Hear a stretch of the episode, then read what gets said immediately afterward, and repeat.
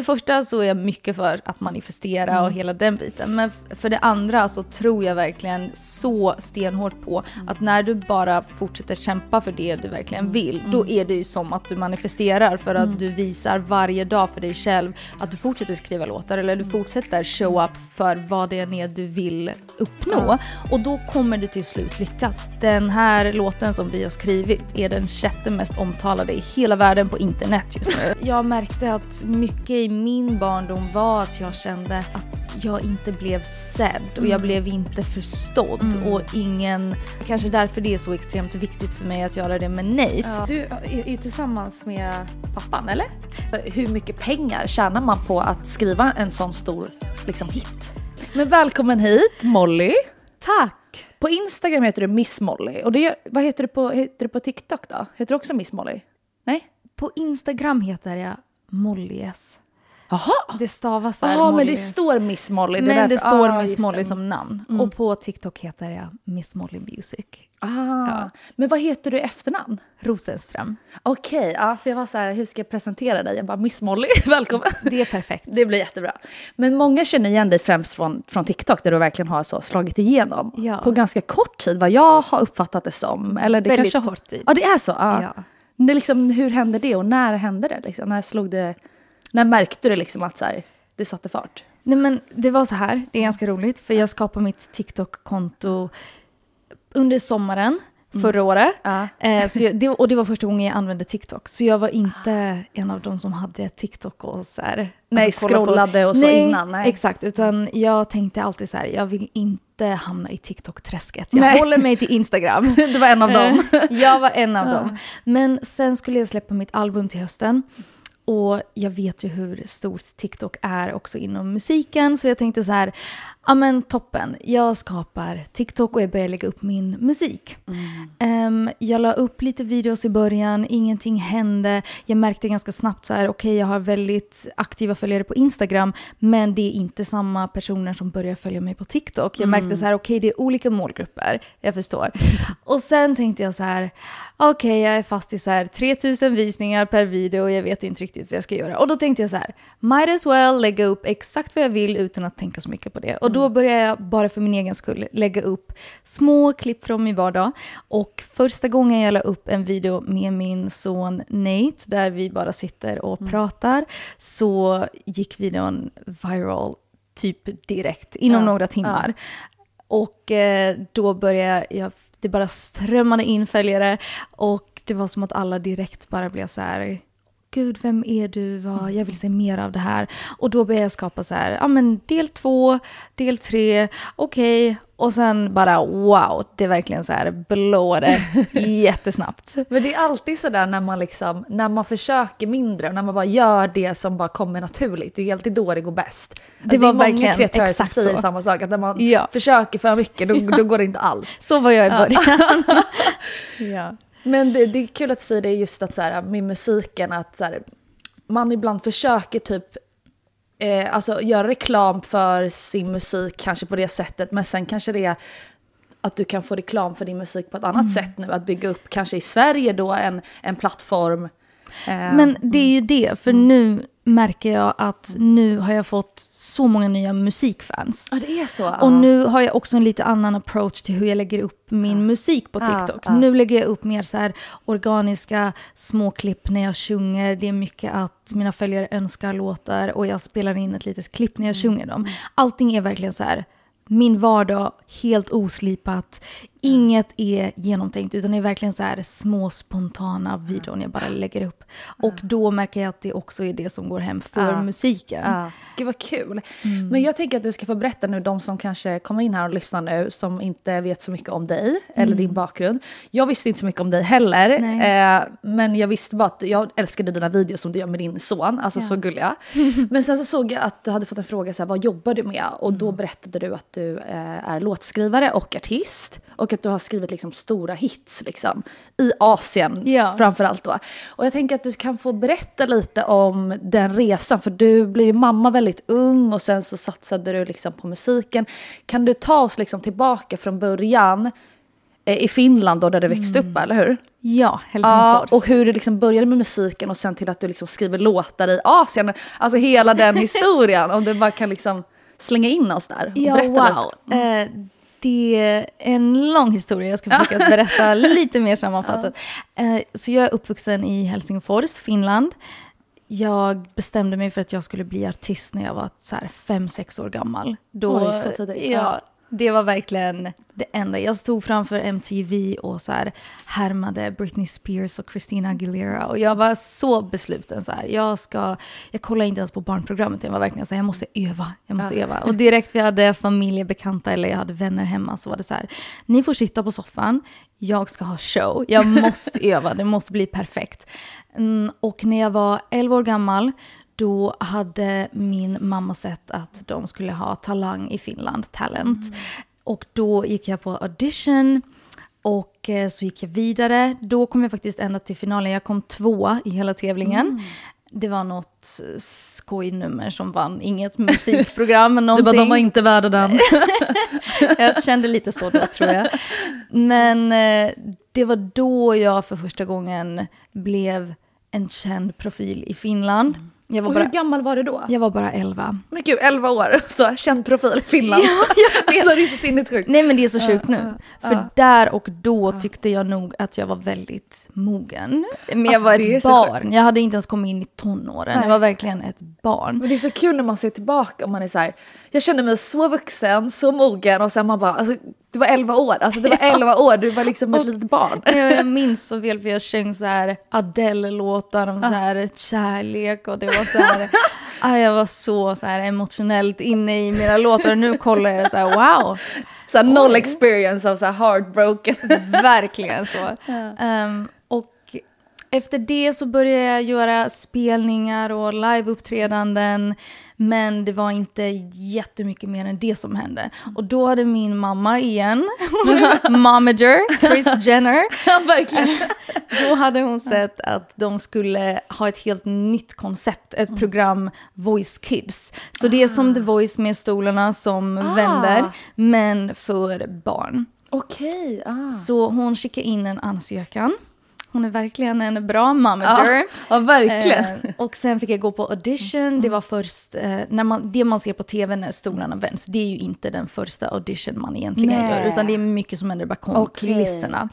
Så jag sökte dit, jag kom vidare, men det var nog först när jag gjorde första tv-sändningen med stolarna som snurrade då som jag insåg så här, okej wow, nu det här är på riktigt. Och det kändes helt annorlunda. Om jag ska vara helt ärlig så var jag nog så ung så jag minns inte ens talent så mycket. Nej. Jag, jag var liksom för liten för att ta in vad det ens innebär Ja. att vara med på tv och så. Ja, men var du inte jättenervös när du gick in där liksom? Publik och så de som sitter i stolarna, alltså. Det kan hända att jag var så nervös att jag så blockerade Ja. för traumatisk stress. Men eh, jag minns att i Voice Kids så var jag inte så nervös i början. Nej. Då tyckte jag mest att det var kul. Men sen när vi kom till finalen och jag märkte så här, wow, det är mycket press. Det är verkligen en fullsatt arena och det är ett tv-team och det är mycket så här, alltså man repeterar, man är där och gör massa rehearsals. Och det är så här klädstyling, man sitter i smink, man gör inslag, man är hela tiden med ett kamerateam. Då insåg jag så här, det gick liksom upp så här, oj, det här är stort. Ja. Och då var jag bara 13. Och då minns jag att kvällen innan vi skulle spela in finalen, då låg jag på hotellrummet och jag grät och jag sa så här, jag, jag vill inte vara med, jag tror inte att jag kan göra det. Och jag var verkligen, ja, jag var så stressad. Och det var nog första gången jag kände jättemycket press. Uh, prestationsångest. Uh. Prestationsångest deluxe. Ja, gud. Men jag var med i finalen, jag backade inte ur. Du tog det Eh, upp ändå. ja, och så vann jag tävlingen Oj. och då fick jag skivkontrakt med Universal i Finland direkt. Ah. Så direkt från finalen, jag vann tävlingen, så gick jag liksom inte tillbaks till mitt liv, utan Nej. Ah. jag började jobba. Då skulle jag direkt in i studion, ha massa människor omkring mig som skulle hjälpa mig att sätta ihop ett album. Och så var det en pressad tidtabell, för det är ofta så när man vinner en stor tävling vill de liksom ride the wave om man ska Mm, släppa. Passa på nu när du har liksom alla ögon på dig och nu direkt Exakt. efter att liksom, ja. Exakt, så då var det en press också att jag på väldigt kort tid skulle sätta ihop ett album. Oj. Och det var första gången jag på riktigt professionellt jobbade i studio och det var mycket som hände då. Eh, och i samma veva när jag skulle börja spela in mitt album så spelade vi också in mina första musikvideor. Då åkte vi till Asien, jag fick åka till Bali Oh och. Kuala Lumpur. Också så här, jag var för liten för att ta in vad det faktiskt innebar. Så nu önskar jag så här, take me to Bali, ja, I'm in. Men eh, där och då så var det mest så här, jag tror att jag kände av stressen mer Ja. än jag kände av det roliga. Du hann liksom inte njuta på samma sätt. Nej, för det var nog efter att jag vann Voice Kids som jag började känna av så här, oj, det här är, det är många som förväntar sig saker av mig nu. Tills dess hade det bara varit så här, det här är det jag brinner för. Jag vill bara sjunga, jag vill bara showa, jag vill bara stå på scen.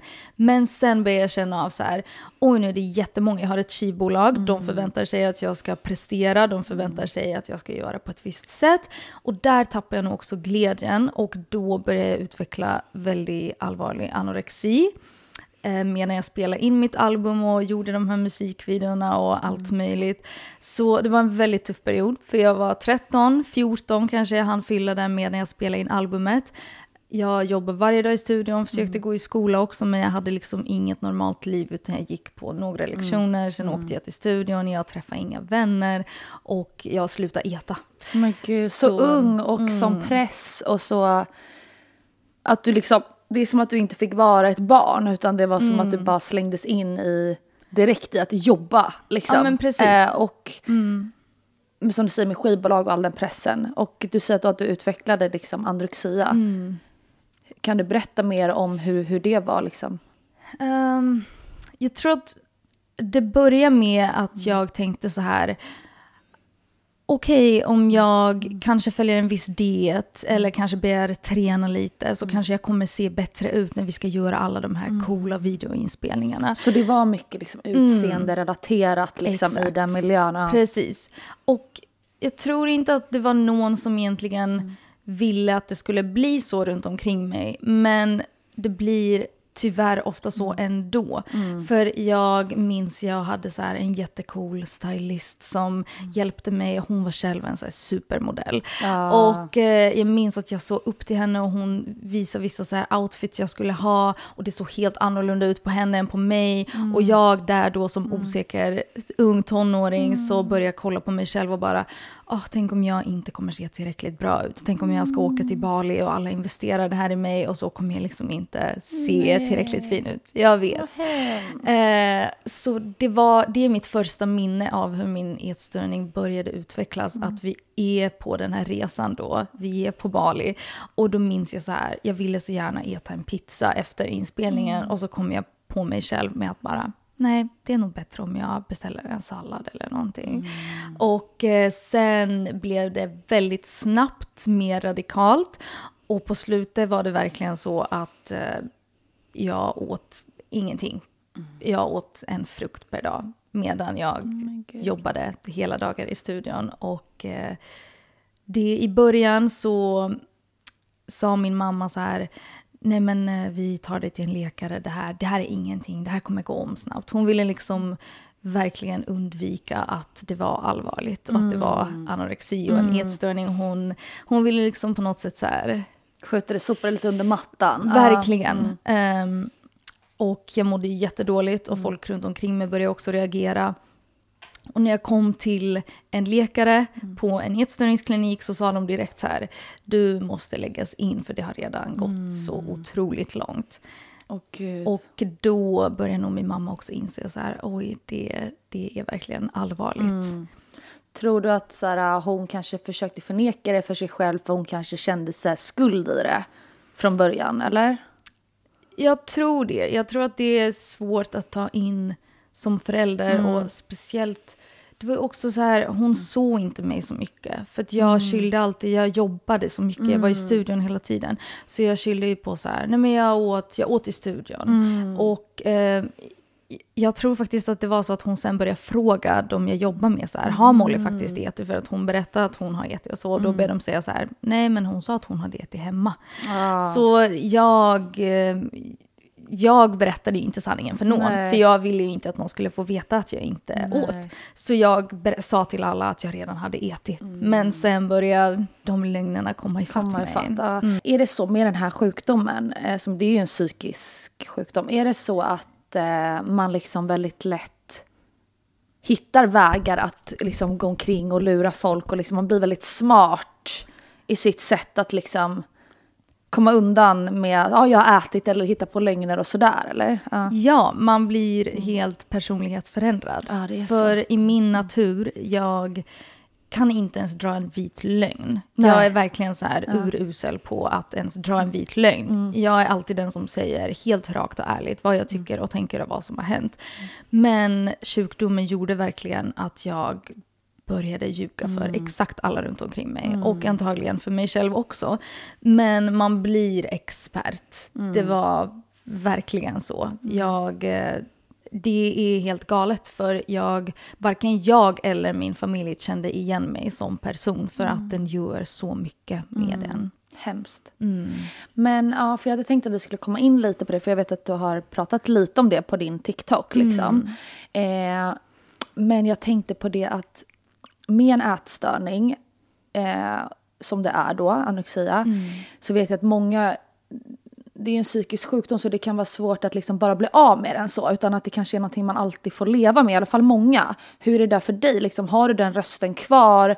Eh, hur, hur liksom, har du något knep eller saker du gör? För mig så har det varit en lång resa. Precis, jag har fått kämpa i flera omgångar. Jag, första gången jag blev inlagd då när jag var 14 till 15 så låg jag inne flera månader på en heltidsavdelning. Ehm, sen var jag frisk i kanske ett och ett halvt år. Sen insjuknade jag på nytt, fick hjälp på nytt. Sen var jag frisk i ett år, blev sjuk på nytt och det har liksom gått så tills jag eh, fick Nate egentligen och tills jag blev mamma. Ehm, direkt efter min graviditet när Nate föddes så insjuknade jag på nytt. För att det var väldigt triggande. Jag älskar min gravidkropp när jag var gravid. Men direkt när jag hade fått Nate och min graviditet var slut, då kom hjärnspökena tillbaks. Och där och då var första gången jag utan hjälp klarade av att så här, bryta mönstret innan det Oj. gick för långt. Ah. För då insåg jag så här, nu håller jag på att bli sjuk. Jag kan inte vara en mamma som jag vill vara om jag glider av anorexi. Jag vet hur hemsk den här sjukdomen är. Jag vägrar låta den förstöra hur jag är som mamma och min familj. Så det var verkligen första gången jag klarade av att så här, stoppa mig själv från att falla tillbaks. Men eh, jag får konstant påminna mig själv om varför jag behöver vara frisk och stark. Och jag, nu blir jag inte triggad av saker jag ser på sociala medier och så, men jag vet att när jag har en stressig period eller det kan vara något annat som är tufft just då, då vet jag också så här, jag kan bli påverkad av att höra folk prata om dieter eller träning eller sånt som kan vara triggande för vem som helst också utan en ätstörningsbakgrund. Och då vet jag så här, jag kanske inte behöver scrolla Instagram och kolla Nej. på en viss typ av profiler för att jag mår inte bra av det. Du kan reglera liksom det. Ja. Exakt. Och du har ett större syfte med att vara frisk. Verkligen. Eh, jag kan tänka mig att ett barn liksom verkligen hjälper och motiverar en. Ja. Så fint att så här, Ja.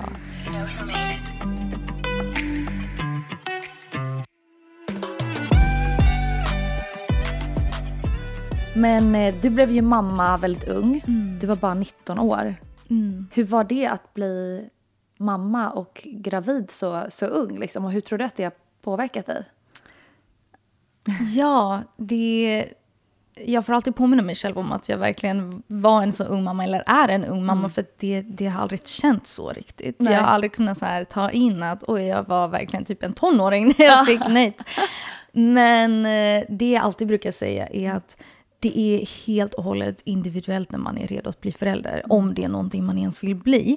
Så jag kan liksom inte säga så mycket för eller nackdelar med att vara en ung mamma för att jag tror att det i grund och botten handlar om var man är i livet. Mm. Hur mår man? Är man på en plats i livet där man känner att man har stabiliteten, man har tryggheten, man har möjligheten att ta hand om ett annat liv. Och då tror jag att det egentligen inte handlar så mycket om ålder utan det handlar verkligen om livssituation och eh, vad man själv vill och var man är. Men ofta så kanske man inte är redo när man är 19. Nej, det är ovanligt liksom att man är på den platsen då. Mm. Och mentalt och allting. Vi ska komma in på mamma, liksom att det blev ung mamma och sådär Ja. också. Men jag Vi- tänker, för att hur gammal, när du var 19 då, när du fick Nate. Mm. Höll du på med, eh, skrev du fortfarande musik och gjorde du egen musik då under den tiden? För nu kommer vi tillbaka Ja. i din tidslinje här som du ska... Så min tidslinje, ehm, här efter att jag hade insjuknat i anorexi och släppt mitt första album, det som hände då var att jag tog en liten paus för att vi insåg helt enkelt att jag var väldigt sjuk. Jag Ja. behövde ta en paus. Ehm, så efter att jag hade börjat tillfriskna så bestämde jag mig för att jag vill studera musik och fokusera på det. Så då började jag på ett musikgymnasium och gick parallellt på en ungdomslinje på ett musikuniversitet. Ehm, Så jag gjorde båda samtidigt. Jäklar. Och eh, då studerade jag klassisk sång, piano, jazz, jazzsång, musikteori, allt möjligt. Sen blev jag också klar ett år tidigare än mina jämnåriga för att jag så här spurtade mig igenom för att jag... Du gör ingenting halvdant alltså? Nej, det är alltid mycket. Och efter att jag tog studenten och blev klar med min utbildning, då signade jag ett nytt skivkontrakt med ett företag och ett, eller med ett skivbolag i Monaco. Jaha, oj. Vad Ja. ovanligt. Alltså såhär, Ja. just Monaco. Okej. Ja, det var, ja. det är också en lång historia som jag ska ta kortare. Och då var jag fortfarande, jag var 17 år gammal då. Och då började jag resa mycket till Monaco. Och det var där och då egentligen jag började skriva mycket för andra artister. För då kom jag in på så här, ja men de jobbade med ett väldigt stort nätverk och de insåg snabbt, okej du är väldigt duktig på att skriva låtar så här, skriv låtar, skriv hur mycket du vill. Och jag älskade det. Och då åkte jag till Los Angeles och skrev låtar där. Jag åkte till Tyskland och skrev låtar där. Och det var också en period där det var mycket jobb och det var intensivt. Och nu var jag ju äldre. Nu var jag ju inte så här 13, 14 och barnkärna. Utan nu var jag ju så här lite rebell, äldre tonåring. Men alltså jag måste bara pausa det där för det är så sjukt. Alltså du var så ung fortfarande och så här, åkte till LA och skrev låtar till andra artister. Alltså what the fuck, vem gör det när man är så ung? Alltså det är så sjukt. Man tänker Ja. att många låtskrivare de är ju liksom, de är väl i alla fall över 30 många låtskrivare. Ja, Eller? och jag, jag skulle säga att Kommer du där bara hej, jag, vad var det, 16 typ? Ja, 16-17 var jag här. Och det var en styrka, absolut, att jag alltid var så, så kreativ och jag var verkligen så här driven. Jag var alltid målinriktad och jag visste vad jag ville göra. Men det var också en svaghet för att jag var väldigt naiv när jag var en tonåring som kände så här, the world is my oyster, jag kan göra vad som helst.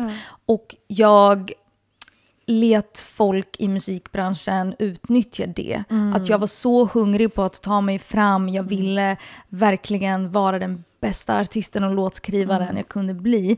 Så det var också en kämpig period när jag kom in i det här nästa steget. Så nu var jag liksom lite äldre. Men jag var fortfarande en osäker tonåring som var väldigt mycket av en people pleaser. Jag jobbade hårt men det var mycket att jag tappade vem jag själv var. För att jag blev så... Jag hade liksom inget konsekvenstänk när jag var 16-17. Utan det blev mer så här...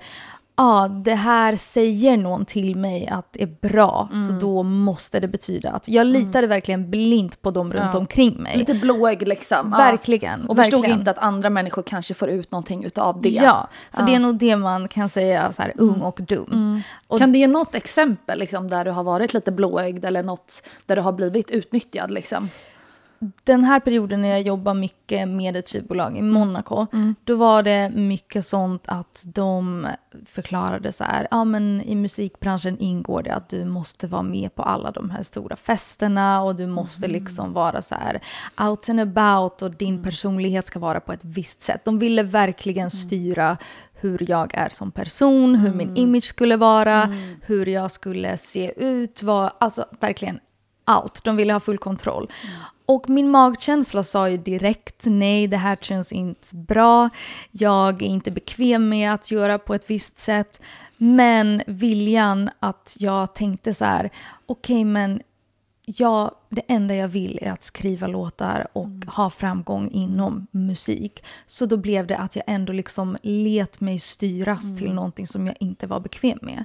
Så det, då kom jag in i en helt annan fas eh, där jag kände mig så här obekväm, otrygg. Jag var inte bekväm med egentligen någonting. Men jag bara bestämde att så här, jag får bara svälja det och acceptera det. Och nu har jag ju en helt, nu har jag ju kind på näsan, jag är inte en people pleaser. Jag sätter ner min fot direkt någonting inte känns 100% bra. Det hade jag inte när jag var 16-17. Så då, efter några år av mycket jobbiga situationer och eh, mycket så här fram och tillbaks jobbigt med skivbolagen och folk som ville styra mig på ett visst sätt. Då bestämde jag mig för så här, nej, nu får jag ta en paus och jag måste ändra på någonting. För jag vet att musiken är, det är vad jag ska ägna mitt liv åt. Men det kan inte vara så här. Så jag bestämde att jag måste ta en paus och jag måste, jag måste lösa det. Jag måste hitta ett, en annan väg helt enkelt. Men vad starkt att liksom inse det trots det drivet och den drömmen du har. Att liksom ta ett steg tillbaka och bara okej prioritera dig själv. Att så här, det kan, måste vara väldigt svårt att kunna göra det, speciellt när man är så ung. Men jag tänker också så här, tänk dig själv alltså, som jag hade haft en dotter. Och liksom hon hade åkt liksom till andra sidan eh, Europa eller andra sidan världen. Liksom också ung och sätta sig i sådana situationer där man så lätt kan bli utnyttjad. Alltså det, det är sexuellt också. Det är så mycket eh, kanske äldre män på de här festerna. Alltså så här, gud när, tänk, när man tänker så liksom så här shit, det kunde ju hänt så mycket saker också. Mm. Men det var mycket sånt att jag blev sexualiserad. Jag Ja, blev objektifierad. Jag märkte snabbt att många av dem som jobbade runt omkring mig inte hade någon respekt för unga kvinnor i musikbranschen. Utan de såg oss verkligen som, okej, vi använder henne för att få ut så mycket pengar som möjligt. En produkt typ. Ja, en, du är verkligen en produkt som kastas runt och ingen tänker på hur mår du egentligen eller vad vill du? För de tänker bara på hur kan vi forma henne så att vi kan använda henne på bästa möjliga sätt. Ja, det är så sjukt. Jag hade med en tjej som heter Awa som är artist. Hon var en talang i Sverige. Och hon blev också signad med ett skivkontrakt. Och hon hade exakt samma upplevelse i att så här, man blir bara en produkt för skivbolaget att liksom bara tjäna pengar och man ska ha den här imagen som du sa, att så här ska du st- framstå, du får prata med den här dialekten, inte med den här dialekten, du måste göra det här, se ut så här. Liksom, så hon tappade ju bort sig själv helt liksom. Jag kan tänka att det var samma liksom, upplevelse för dig så som du beskriver det. Det Att- låter väldigt lika som det har varit för mig.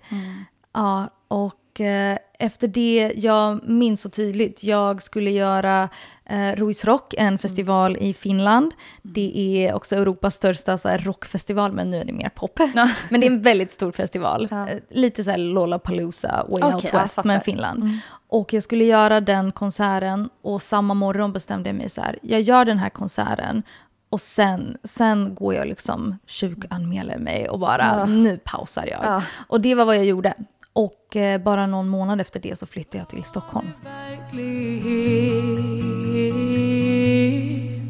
Så nära jag kan, så nära jag får Säg att du vill och säg att det går Jag visste egentligen från att jag var 10-11 att jag ville flytta till Stockholm så fort jag flyttade hemifrån Är egentligen. det sant? Ja, för jag började komma över till Stockholm när jag var ja, men 10-11 på så här artistcamps. Och då, då hade jag liksom byggt upp redan vid den unga åldern en så här drömbild av att direkt jag kan flytta hemifrån så ska jag flytta till Stockholm för då ska jag satsa på musiken ännu mer. Och ja, så när jag var typ tio då bestämde jag mig för att så ska det bli. Och så blev det. Då var min tanke att jag skulle börja satsa mer helhjärtat på låtskrivandet och ta paus då från att stå i rampljuset själv, ta paus från alla jag jobbar med som inte var rätt för mig och göra det som gjorde mig glad. Så jag flyttade till Stockholm och började mer med låtskrivandet och blev gravid med Nate väldigt snabbt också. Så du började skriva låtar i Sverige, men hur kom du in eh, liksom i Asien och började skriva låtar där? Och berätta lite om dina liksom, meriter. Alltså, du har ju gjort jättestora hits. Du måste få skryta Ja. lite. Nej men det är så galet för jag hade ingen aning om vad K-pop och J-pop var egentligen. Nej, Jag- vad är det för någonting för de som inte vet? K-pop? Ja. K-pop är ju egentligen bara musik i Korea. Det, det är nog många som tror att K-pop är en viss genre. Okej, det men, trodde jag. men det finns ju massa olika Mm. genrer inom K-pop. När många tänker på K-pop tänker man de här grupperna med tjejer eller killar Ja, som dansar. Det händer massa olika saker i musiken. Men så här brukar jag säga, eller förklara, det mesta Mm. inom K-pop har en struktur där du blandar in rap i varje sång. Jaha. Också ballader oftast. Va? Vänta, ballader och rap, nu hänger jag inte med. här. Ja, så det, det vanligaste kännetecknet för musik i Asien då är att de blandar massa olika stilar inom en och samma låt. Så det, det händer mycket mer Men än i en gud. vanlig låt som vi lyssnar Ja. på här. Det kan vara så här, det börjar som en ballad, sen bara kommer en rap, Exakt. sen blir det poppigt. Exakt, det, det är liksom, man är på en hel resa när Men man... Gud, vad häftigt. Ja. Så det är jättekul att skriva, för man får verkligen så här gå igenom så mycket olika känslor i en och samma tre minuters låt. Ja, så det, det är jätteroligt. Men jag hade aldrig lyssnat på den här typen av musik. Så jag visste verkligen inte hur den industrin funkade. Jag hade inget intresse för det, för jag visste knappt att det existerade. Men så fick jag ett samtal från en producent som sa att han hade lyssnat på min musik som jag själv har släppt och att han tror att jag skulle vara perfekt för ett projekt. Och jag hade ingen aning om vad det var för projekt, men jag gick till studion för att vi hade gemensamma kollegor, så jag visste så här, men jag har hört mycket bra om den här producenten. Och då ville han att vi skulle spela in en K-pop-låt. Så vi skrev en K-pop-låt, vi spelade in en demo och veckan efter så ringde han mig och sa så här, "Ehm, ja, grattis du har sålt den här låten. Och jag fattade ingenting för att det var väldigt annorlunda från hur det går till när man Ja. säljer låtar i västerländsk musik. Okej. Ehm, Hur, hur är skillnaden? Alltså i Asien är det mycket att de skickar från skivbolagen leads där de eftersöker en viss typ av låt, en viss typ av stil som de ska ha till ett visst projekt. Det är lite mer så här, du kan skriva jättemånga låtar som det aldrig händer någonting med och sen mitt i allt så får du bara ett mail där det står att du har sålt en låt till något jättestort projekt.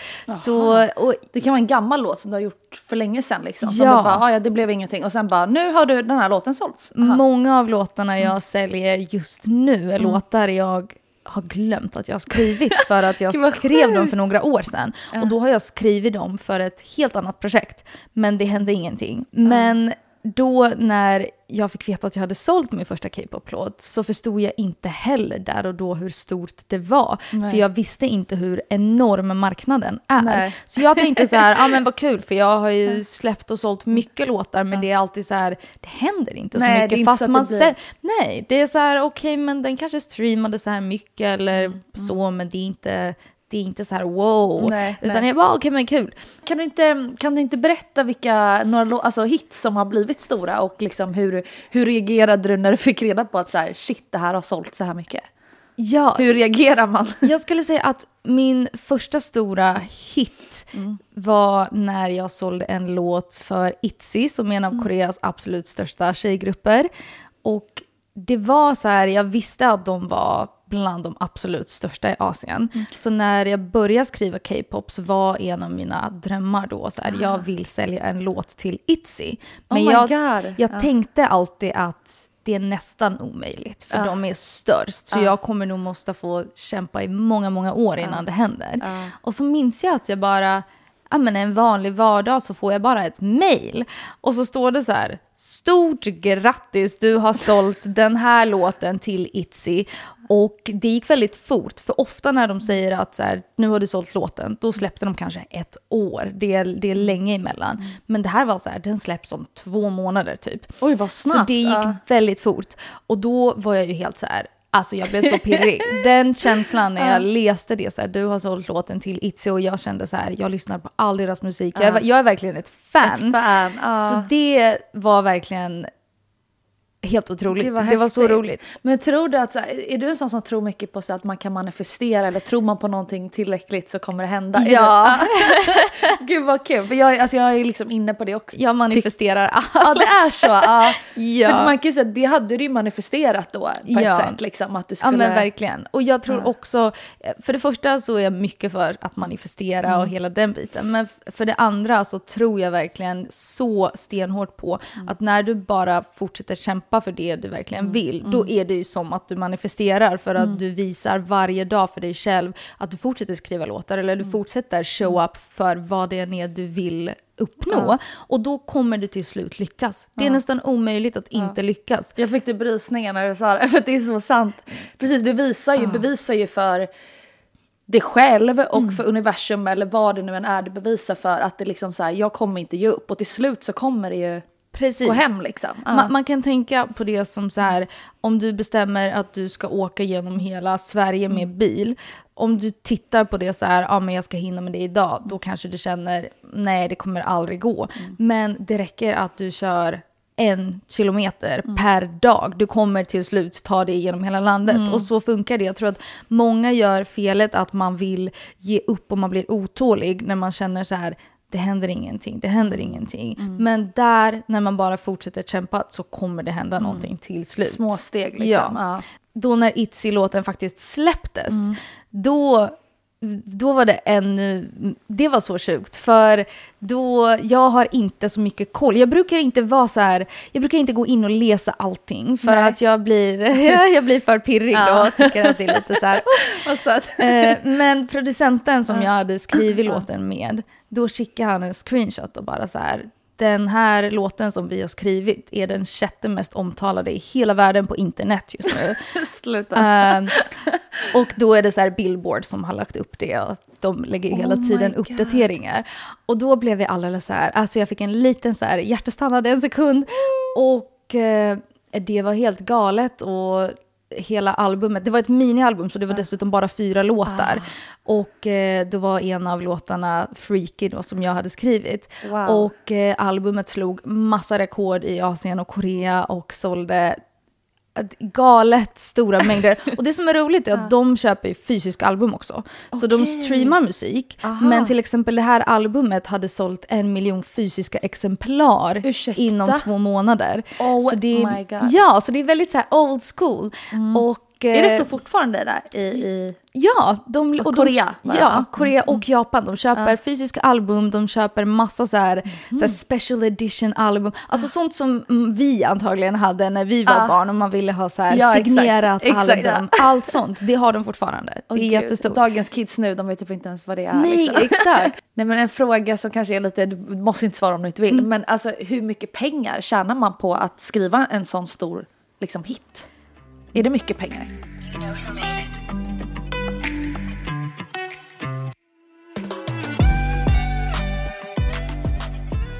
Det är mycket pengar när det Mm. är Asien. Så här är ju en stor skillnad för att jag vet ju att det knappt går att leva som enbart låtskrivare Mm. i Sverige eller till och med USA fast du skriver stora hits för att det är Mm. en det är riktigt alltså, usla eh, Villkor, typ. villkor Aha. för låtskrivare Mm. och musikskapare här. Men i Asien är det väldigt annorlunda. Ja det är så. ah. Du, du får mycket Mm. större arvoden för att vara musikskapare. Och speciellt för att jag tror att ett problem som kom i västerländska musikbranschen var ju när man slutade fysiska försäljningen av skivor. Och alla streams tog över för att vi alla som har internet vet att Spotify typ betalar ingenting till låtskrivare och artister. Eh, och att det lilla man får är skivbolagen Ja. som tar. Exakt. Men i Asien, eftersom det är så mycket fysiska album, Mm. De har helt annat. Det är så här, man köper musiken. Du, det är inte som här. Mm. Nej. Så det gör att du faktiskt får ganska mycket pengar. Ah. Och många frågar mig på TikTok så här, hur funkar det? Får man en månadslön Ja, som ja. låtskrivare? Och så, så är det ju inte, Nej. utan oftast när du säljer en låt så får du en liten buyout först, Mm. som ett litet så här, man kan se att det är som en liten bonus, så här, tack, här är li, en liten klump så bara för att du Sen har sålt procent, låten. Och sen Ja. får man en procent för allting den säljer. Så då om Itzy säljer en miljon fysiska album, då får jag en procent Mm. av varje album som säljs. Och en procent av, inte nu en procent i siffran, en procent, nej. utan en, en specifik procent, Ja, ja. procent som kan bero på lite hur många låtar det är på albumet, hur många låtskrivare och musiker som är inblandade. Mm. Och så får man sin procent av allting som säljs, allting som streamas och Mm. allt. Då kan det vara enorma pengar, kan det ju bli då. Om Precis. man har en viss procent på Ja, någonting det- som säljer otroligt. Så Ja. det beror ju helt på hur bra det går för låten egentligen. Ja. Men är det annorlunda att jobba, för jobbar du nu som låtskrivare för ett skivbolag eller jobbar du independent? Kan man jobba independent som låtskrivare? För Jag- då kanske man tjänar ännu mer, jag vet inte. Alltså grejen är att man behöver ju ett förlag som Ja. kan pitcha dina låtar. Ja, för annars kan det Men- vara svårt att nå ut till artisterna liksom. Precis, annars får man väl gå och knacka dörr eller. Ja. Ringer Lady Gaga bara, hallå jag har låt till dig. ja. Så i princip har alla ett Ja. förlag. Men jag är på det sättet independent att jag är inte exklusiv med ett förlag. Det har jag valt att inte vara. Så jag jobbar väldigt brett. Jag jobbar med mycket olika förlag, mycket olika team så att säga. Åh, men gud vad bra att du kan jobba med flera olika, att du inte är fast Ja. med en. Och det var också ett beslut jag tog för att jag vill aldrig sluta så här, step out of my comfort zone. Jag vet ungefär vilka jag jobbar jättebra tillsammans med och älskar att jobba med. Och vi jobbar mycket ihop och mycket av det jag säljer är just med dem som jag vet så här, okej men vi gör alltid något bra tillsammans. Men jag vill alltid fortsätta att utvecklas och fortsätta så här, lära känna nya musiker, testa något nytt. Jag vill alltid så här, se vad annat jag kan göra. Jag vill inte så här, limit myself. Nej. Eller sätta mig själv i en box och känna så här, det här är det enda du ska göra. så det var nog mest därför jag tog ett aktivt val. Så här, jag vill inte fästa mig vid bara ett förlag. Men låt, hur är det att skriva låtar då till andra? Är det en liksom rolig process? Hur fungerar det? Jag älskar det. Det är verkligen så här min safe space Ah. och min så comfort zone. Jag tycker om att gå in i olika karaktärer. Så till exempel om jag vet att jag ska skriva för en viss artist eller en viss genre så går jag ju verkligen in i den karaktären. Så det blir lite som skådespeleri för mig. Det är lite som Aha. teater. Jag vet inte om historien slutar där eller din tidslinje slutar där. Har du någonting mer att tillägga på den eh, tidslinjen liksom? Vad som hände sen? Ja, sen ungefär i den här vevan med att jag börjar få stor framgång i Asien som låtskrivare så signar jag ett nytt skivkontrakt för mig själv. Så nu, sen bara förra året, så har jag börjat släppa ny egen musik som Gud, Miss. Molly. Så jag är ju väldigt i startgroparna med mitt nya projekt. För jag bestämde ju så här, jag vill inte vara kopplad till all gammal musik jag har släppt. Det får vara ett kapitel som jag väljer att stänga. För jag kände mig jag känner mig bara så färdig med allt det gamla. Och jag vill göra något helt nytt. Och då visste jag såklart att det är en större utmaning när jag byter brand för mig själv. Jag byter artistnamn, jag kommer ju få jobba lite hårdare i början såklart för att komma vidare och framåt istället för att så här ride the old wave. Ja. Men jag vill inte välja Den enkla vägen. Exakt. Nej. Mm. Jag vill välja det som känns rätt för mig och som jag vet i hjärtat att på lång sikt är det allra bästa för mig. Tror du att man kommer längre alltid på att liksom ha det lite mindsetet i vad det än man gör? Att så här, alltid följa typ, du säger ditt hjärta, men jag vet inte hur man annars ska uttrycka det, men det är typ så man kan uttrycka det. Magkänslan. Ja, magkänslan. Istället för det, liksom det som kanske logiskt känns rätt. Fast i magen känns det inte rätt. Jag säger alltid att om, om jag får minsta lilla så här, tvek eller att min magkänsla blir lite så här. Mm. Man vet när det inte är ett solklart ja. När man själv har en liten så här nja, fast det är ens en liten, liten röst. Mm. Då vet man att det egentligen inte är rätt beslut. Men sen kanske man ändå väljer det för att det i praktiken är det lättaste. Mm. Och så gjorde jag mycket förut i tonåren och Mm. ja, men förut. Och det vill jag verkligen inte göra längre. Och jag märker ofta att det kan kännas så här svårt i stunden. Men sen blir det mycket snabbare, mycket lättare än man trodde att det skulle vara. Ja. Och så, så känns det verkligen ofta för mig. Att det kan kännas så här, nu går jag in på ett område där jag känner så här, hur ska det här bli? Ja, man är osäker, det är nytt. Man, det, Ja. Alltså, ja. Och sen när man bara vågar sig, alltså när man vågar kasta sig ut i det, så märker man att ofta så löser sig saker mycket snabbare och enklare än man trodde. Så jag, jag, jag säger alltid att man ska lita på sin magkänsla för att den vet. Ja. Håller med, 100 procent. Men vad heter ditt, ditt album nu då? Mitt- och när släppte du det? Jag släppte mitt album precis innan julen. Okej, ja. Och det heter Part One. För att jag vill verkligen förstärka att det här är ett helt nytt kapitel för mig. Det här är en ny resa. Och jag, är, jag ser så fram emot det. Och nu ska jag faktiskt på internationella kvinnodagen släppa en singel från albumet med en väldigt personlig musikvideo. Oj, och, spännande. Ja, så det är nu jag egentligen börjar promota mitt album. Och det ser jag så mycket fram emot för att den här gången så skriver jag all musik helt själv. Och sen samarbetar jag med producenter och musiker som gör arrangemangen och hjälper mig. Men alla låtar har verkligen kommit till av att jag bara sitter framför pianot eller har Nate i famnen och sitter och spelar med honom och skriver musiken. Så det har varit helt otroligt och en process som jag älskar. Cause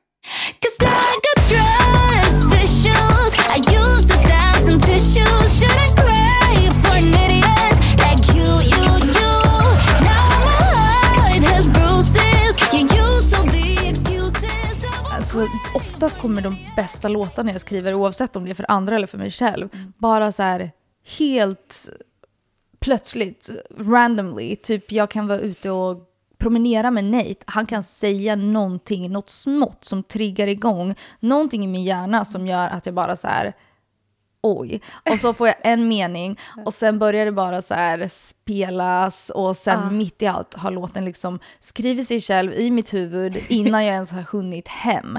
Och det är mycket sånt som är så här, Ja. som jag tycker är så coolt, så här, Ja, så hur hjärnan häftigt. fungerar. Det Så är, kreativ, hur den bara liksom flyger iväg. Och ofta när det är som vi pratade om innan, att så när man försö- när man inte försöker, när det inte är så forced eller när det inte är någon press, när du bara är liksom ute med Nate och går och du bara får inspiration från liksom naturen eller vad den är, eller Nate säger någonting. ja. Det är där det händer liksom oftast. Och det, det tar jag verkligen vara på nu. Och jag har lärt mig att det oftast är så.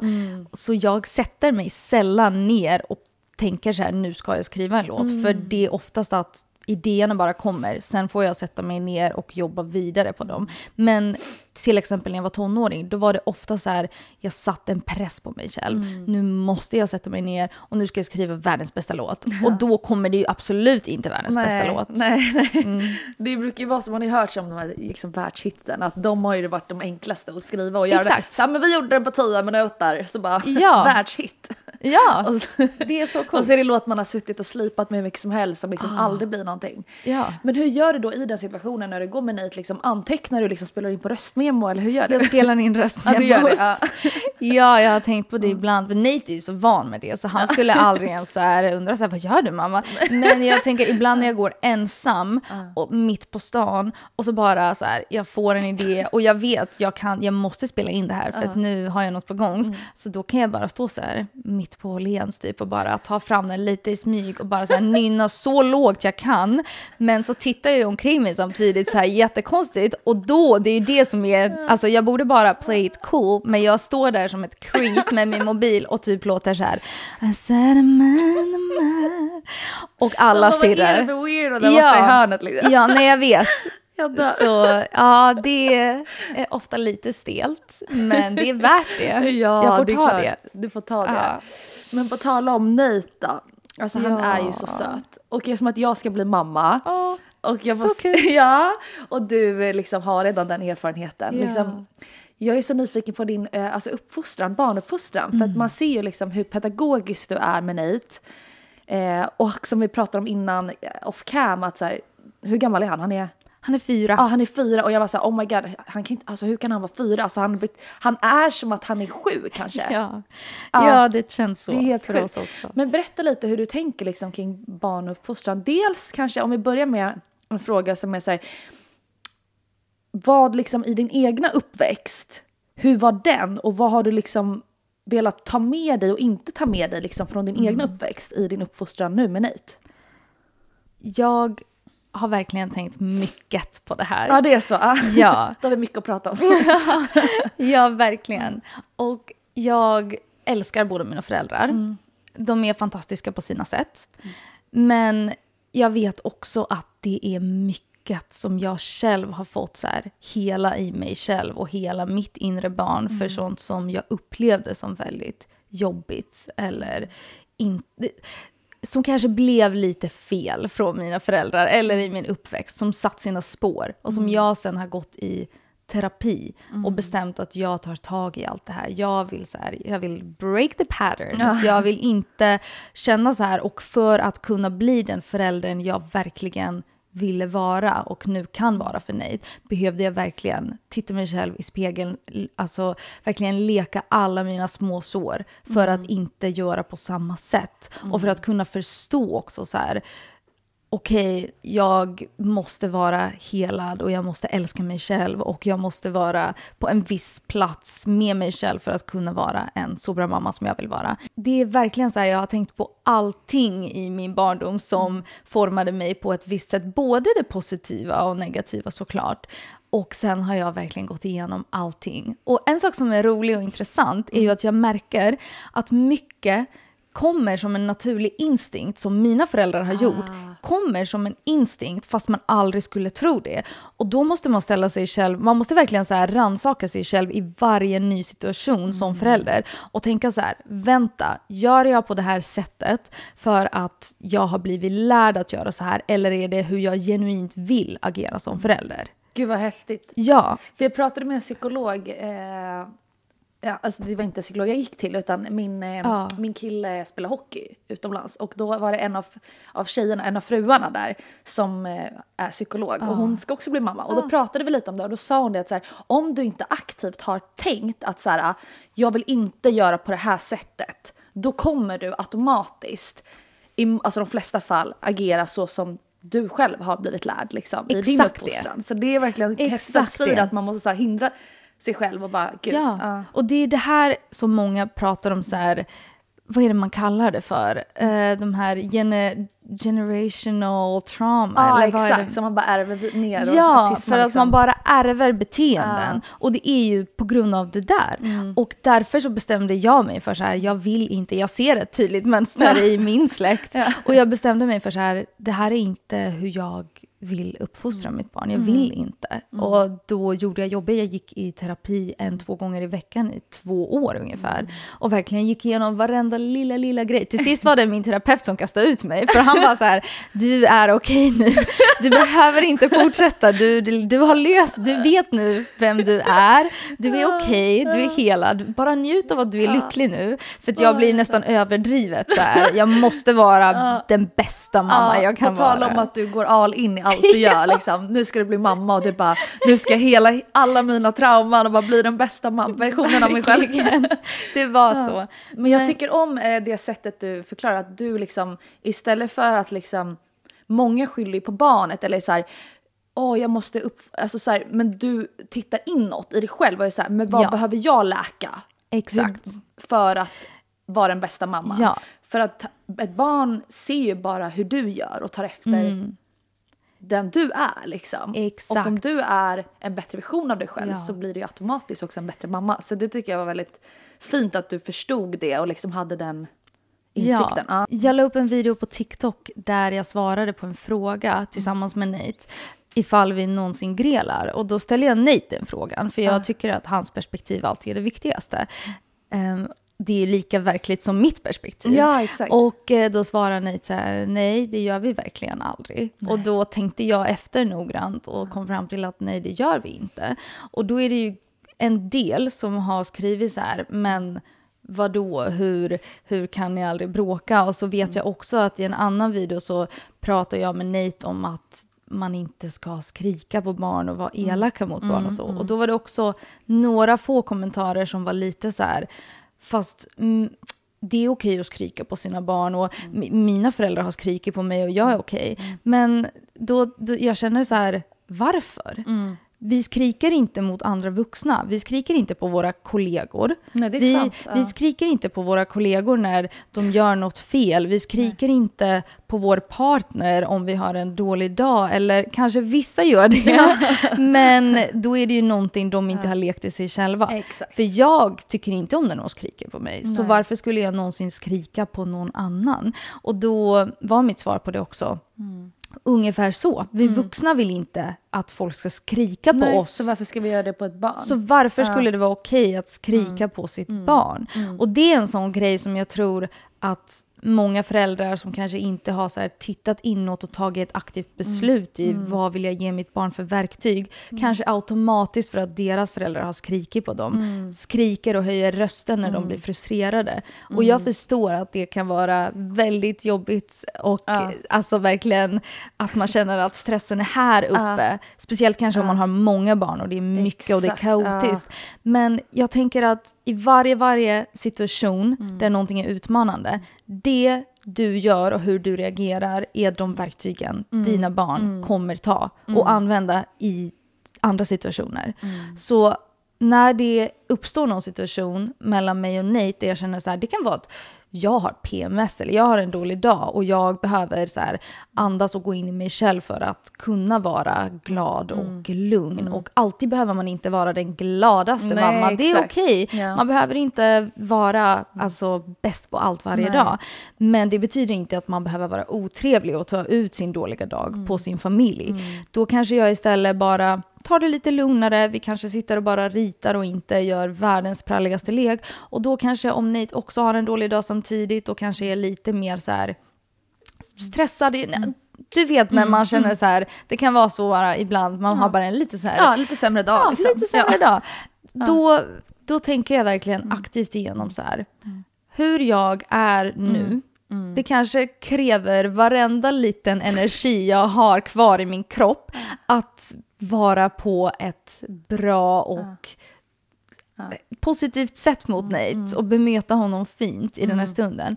Men det är verkligen vad han kommer göra i framtiden. Ja. Så på grund av det så har Nate också lärt sig att när man känner någonting löser man det genom att vi pratar. Mm. Han kan säga jag känner mig just nu lite nedstämd för att du sa att jag inte fick en glass för att det är tisdag. Ah. Istället för att skrika och bara “jag vill visst ha en glass”. Ja. Då blir det ju att han, ja gud vad, för att om du hade skrikit på honom och bara Mm. Ja. “det blir ingen glass”. Exakt. Eller, nu, då kanske han inte kommunicerar lugnt tillbaka Ja. i en annan situation sen. Men nu blir Ja. det att han liksom faktiskt kan sätta ord på sina känslor och prata om det på det sättet. Ja. Så jag uppmuntrar alla Mm. känslor. Det, jag tror också att många får en bild av att för att jag och Nate oftast är glada och vi har det så himla kul tillsammans Mm. varje dag. Det tror jag också att många kanske får en bild av så här, fast det är ju okej att vara ledsen och arg. Ja, det- Mm. Absolut. Nate, jag lär Nate att det är okej med alla känslor. Känslor är okej. Du kan inte styra känslor. Mm. Nej. Känslor är mänskligt.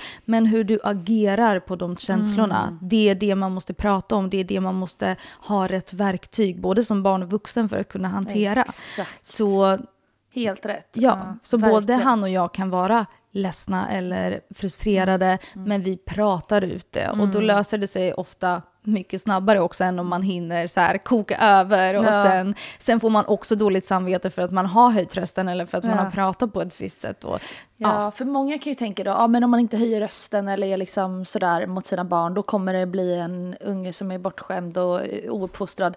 Men om vi tittar på ditt fall då så är det ju tvärtom att det har ju visat sig att när, eftersom att du kommunicerar och förklarar och är mer pedagogisk i ditt sätt så blir det att han tar efter det och också blir då kanske inte skriker på dig eller förstår du?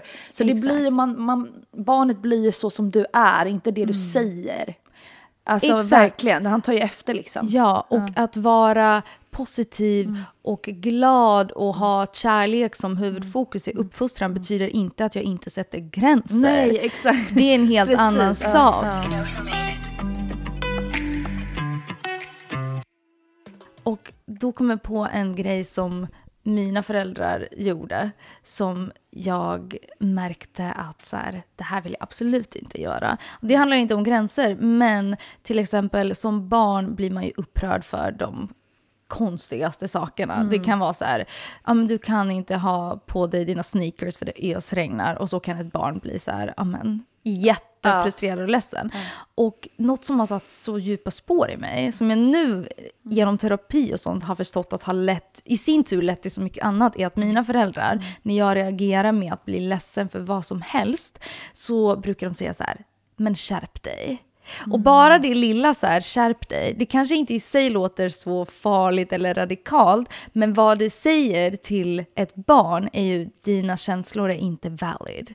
Och det du känner är inte okej. Så här, du, du har inte rätten att känna så här, oavsett vad det är. Istället för att de kanske skulle ha kunnat prata med mig och gå igenom så här, jag förstår att du känner så här, men du kan inte ha på dig dina sneakers för det ösregnar. Precis, så du sätter fortfarande en gräns. Så det är inte så att du bara, åh okej okej då, men du får ta på dig sneakersarna. Ja. Utan du är fortfarande en förälder och du sätter gränser. Ja. Så du är fortfarande på det sättet hård.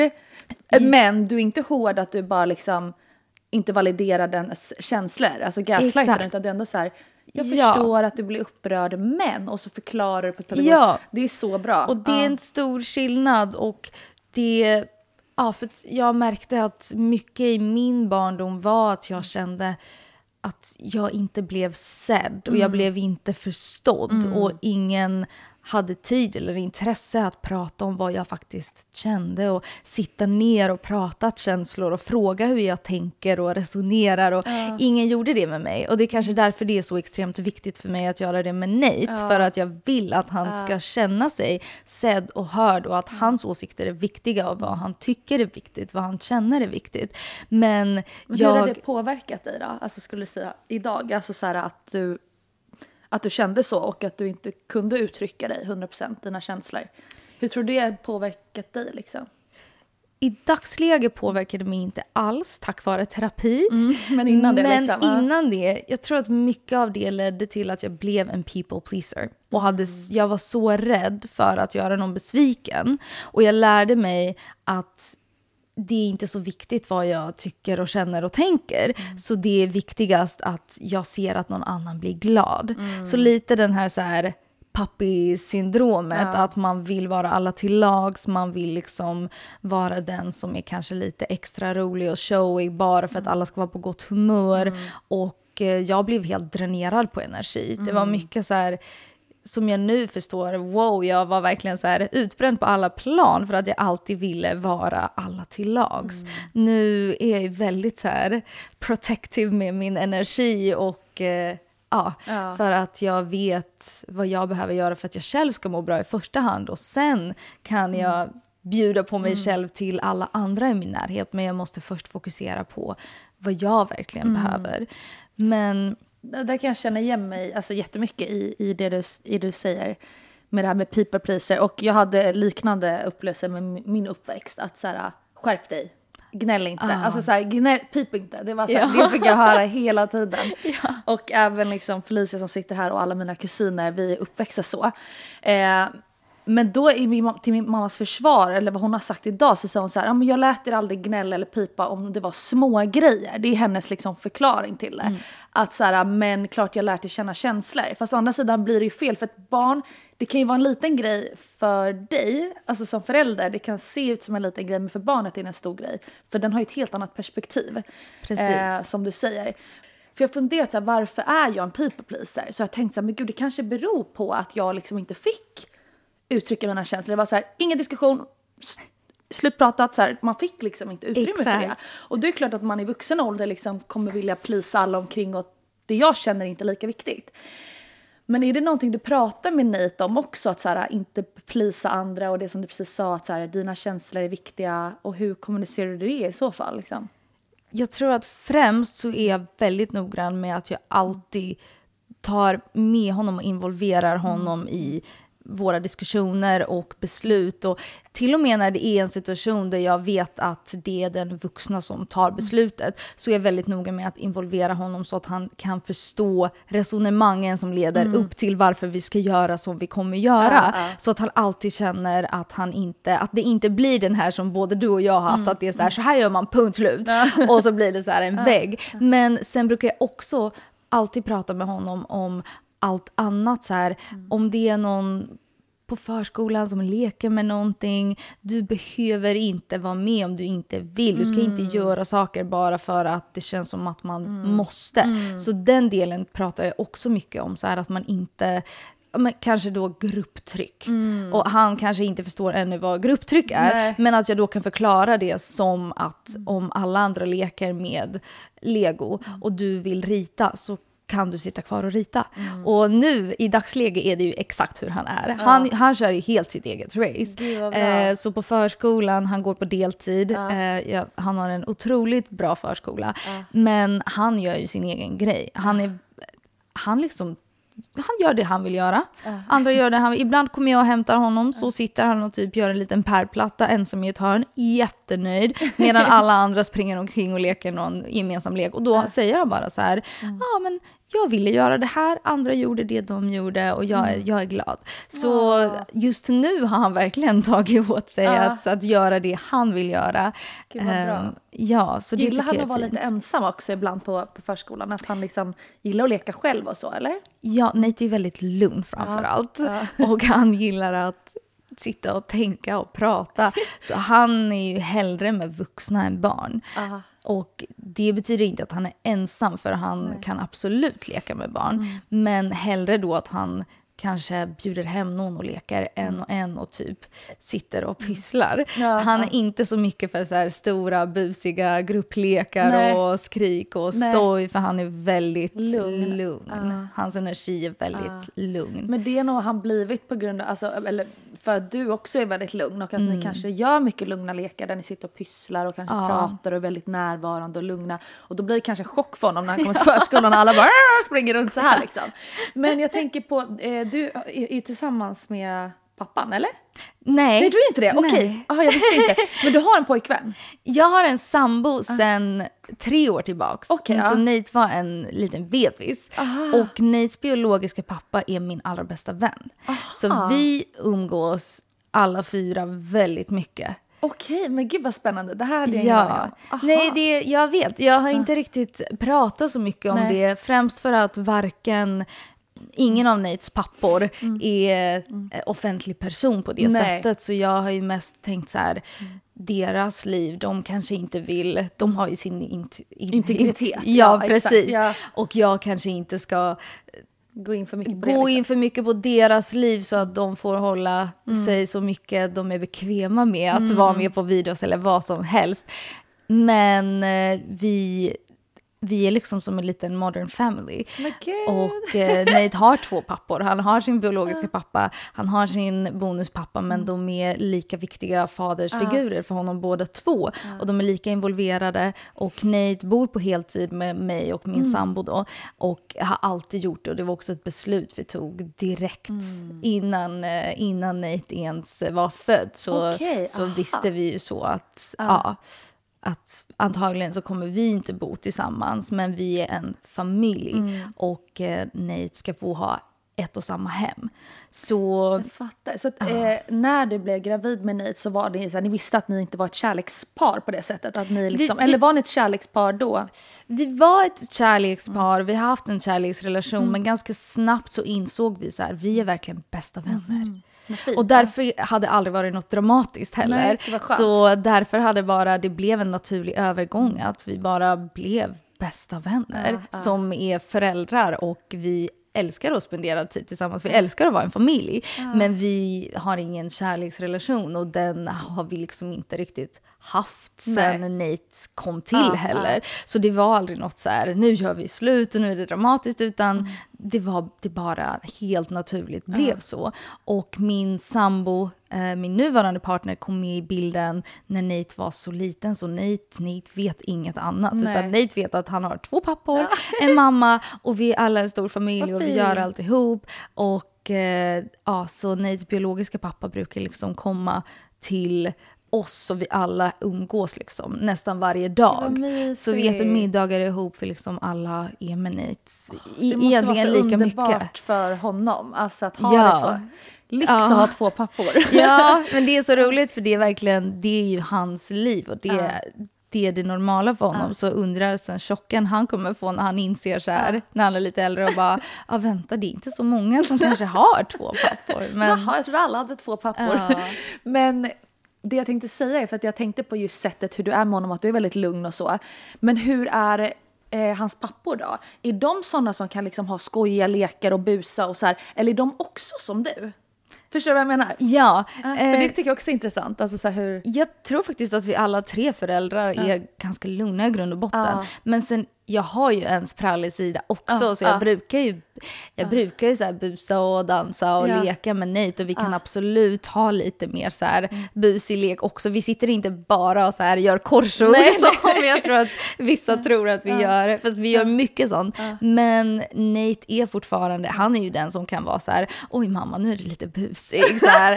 så han är liksom den lugnaste. Alltså, så. Jag Men inte. både jag och papporna är nog ändå så här, vi har ändå en så här lugn grundenergi tror jag. Ja, jag fattar, det är Ja. inte så att de liksom börjar brottas med Nej, honom nej, och så. nej, nej, nej. För så hade Nej. jag hade ju sån uppväxt med min pappa, alltså att vi liksom Ah. brottas och så här, Ja. liksom slänger runt varandra, att man är liksom fysisk, för den rollen brukar ju många pappor Ah, ta. Alltså, ja, så här, ja. Mamman är mer så här lugn och liksom så, men Ja. papporna kanske är mer den som gör de här lite hetsigare Ja. lekarna.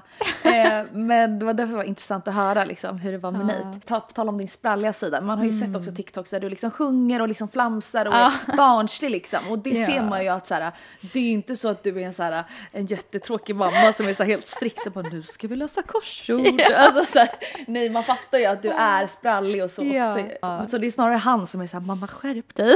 Ja, verkligen. Gud, det är nog alltså, det, det busiga vi gör, som egentligen inte är så busigt, men Nate tycker det är väldigt busigt.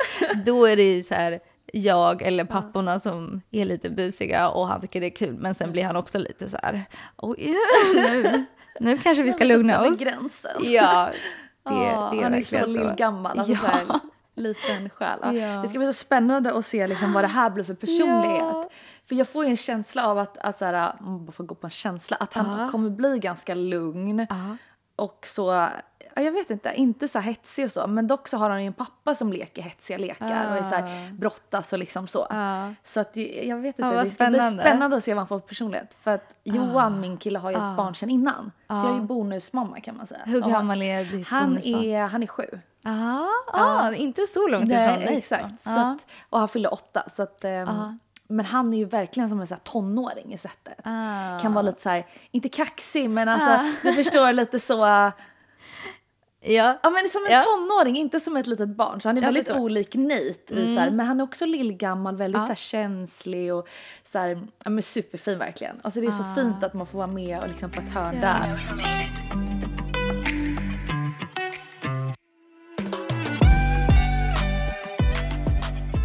Du la ju upp en TikTok där du sa att Nate kollar typ på TV varannan en gång varannan månad eller någonting så här. Och då var det ju många som reagerade på det. Fast du sa det liksom bara i, förbi, i förbifarten liksom, som att det inte var en grej.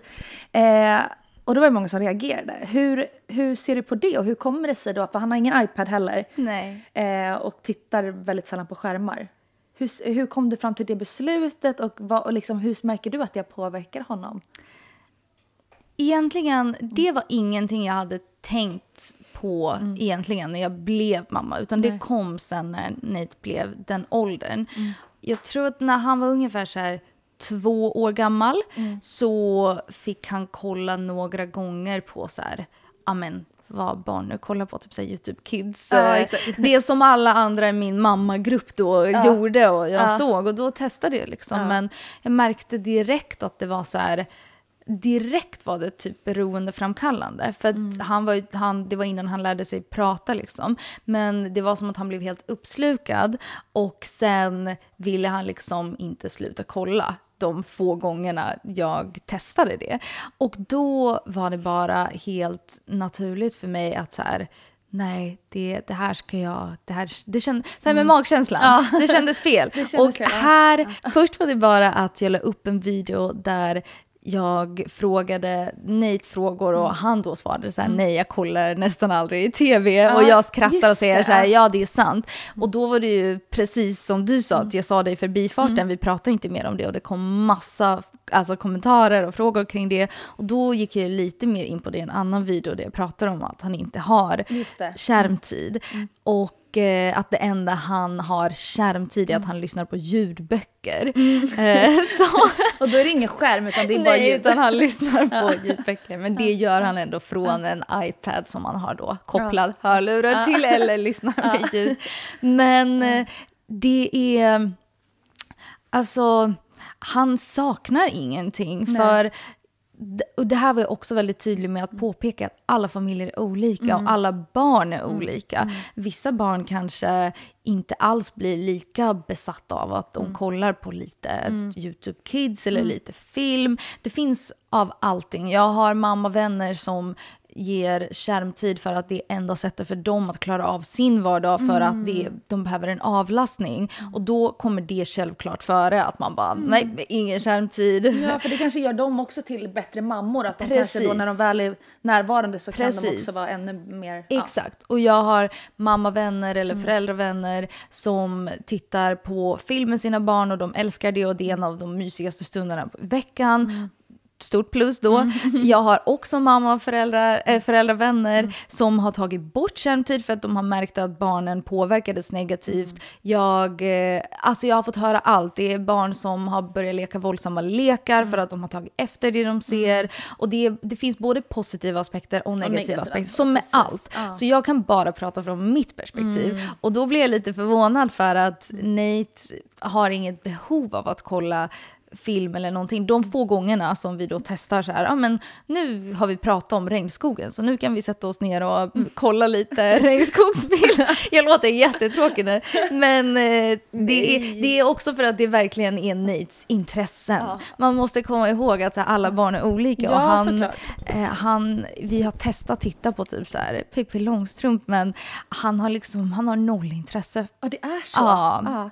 Så då de få gångerna vi har suttit ner tillsammans Mm, och tittat på någonting så det är liksom inte höjdpunkten för oss och inte Nej. för Nate. Han, han är knappt intresserad. Han är mer intresserad av att vi då typ äter lite popcorn och chips och så börjar han prata om något helt annat och vill istället göra något helt annat med oss. Så, och jag... Ah, jag har liksom ändå tillräckligt med tid att göra allt annat. Jag behöver inte använda iPad eller skärm Nej. eller tv för att på något sätt få vardagen att gå ihop. Nej, för så du har mycket tid hemma liksom. ja, ja. så för oss har det bara varit ett naturligt och bra beslut Mm. för oss. Och det är just nu. Det här kanske ändras om ett eller två år när Nate mitt Mm. i allt är i en annan fas. Han kanske börjar kolla med sina vänner Mm. på någonting. Men jag, jag tyckte det var så roligt för att folks kommentarer var ju så här. Du tar ifrån honom hans eh, barndom för att han kommer inte komma ihåg barnfilmer. jag bara, ja, så det är så här. Alla är, alla är helt olika. Så jag förstår att många implementerar sin egen upplevelse Ja. på mig då och min familj. Men man kan inte göra så, Nej. utan man måste ju tänka att jag, Ja. jag vill tro att alla föräldrar gör det som är bäst för sina barn och vad som funkar för dem. Och det finns inget rätt och fel, Nej. utan man får göra det som funkar. Ja, men jag förstår att så här, folk blir provocerade av det för, att ja, men, för då blir det som att du kritiserar det de gör. Nej men om jag får tänka lite själv vad jag tror, hur jag tror att det påverkar ett barn, alltså att som du har gjort att liksom dra ner på skärmtid och, och liksom inte, för många barn sitter ju väldigt mycket med iPads liksom. Och det jag tror är att man kanske tappar lite fokus på annat då, men att ni då liksom kanske har bättre fokus på sånt som kanske andra barn lättare tappar fokus på. För att det är väldigt mycket snabba, snabba kickar i de här spelen och det blir så mycket dopamin. Och då vänjer du dig vid det. Så sen när du ska sitta och göra en pärlplatta, det är så här, mm, det här är inte jättekul Exakt. liksom. Det är inte så här, welcome to my YouTube channel, but now we're gonna... Alltså det liksom och det var ju det lilla jag kände av direkt. Jag testade visa lite YouTube Kids Ja. för honom för länge sedan. Ja. Man märkte av direkt att det var en så här... Beroende Ja, och att det skiftade hans fokusering Mm. och intresse för annat.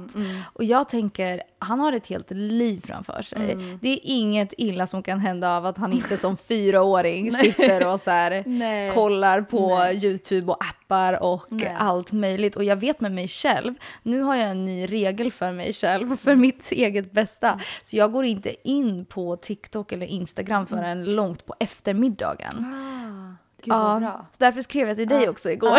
Att, Ja, du bara, jag att- stänger av min ja, telefon, att jag har inga eh, så här notifications på på Instagram och jag brukar inte, jag kollar liksom inte den på dagen.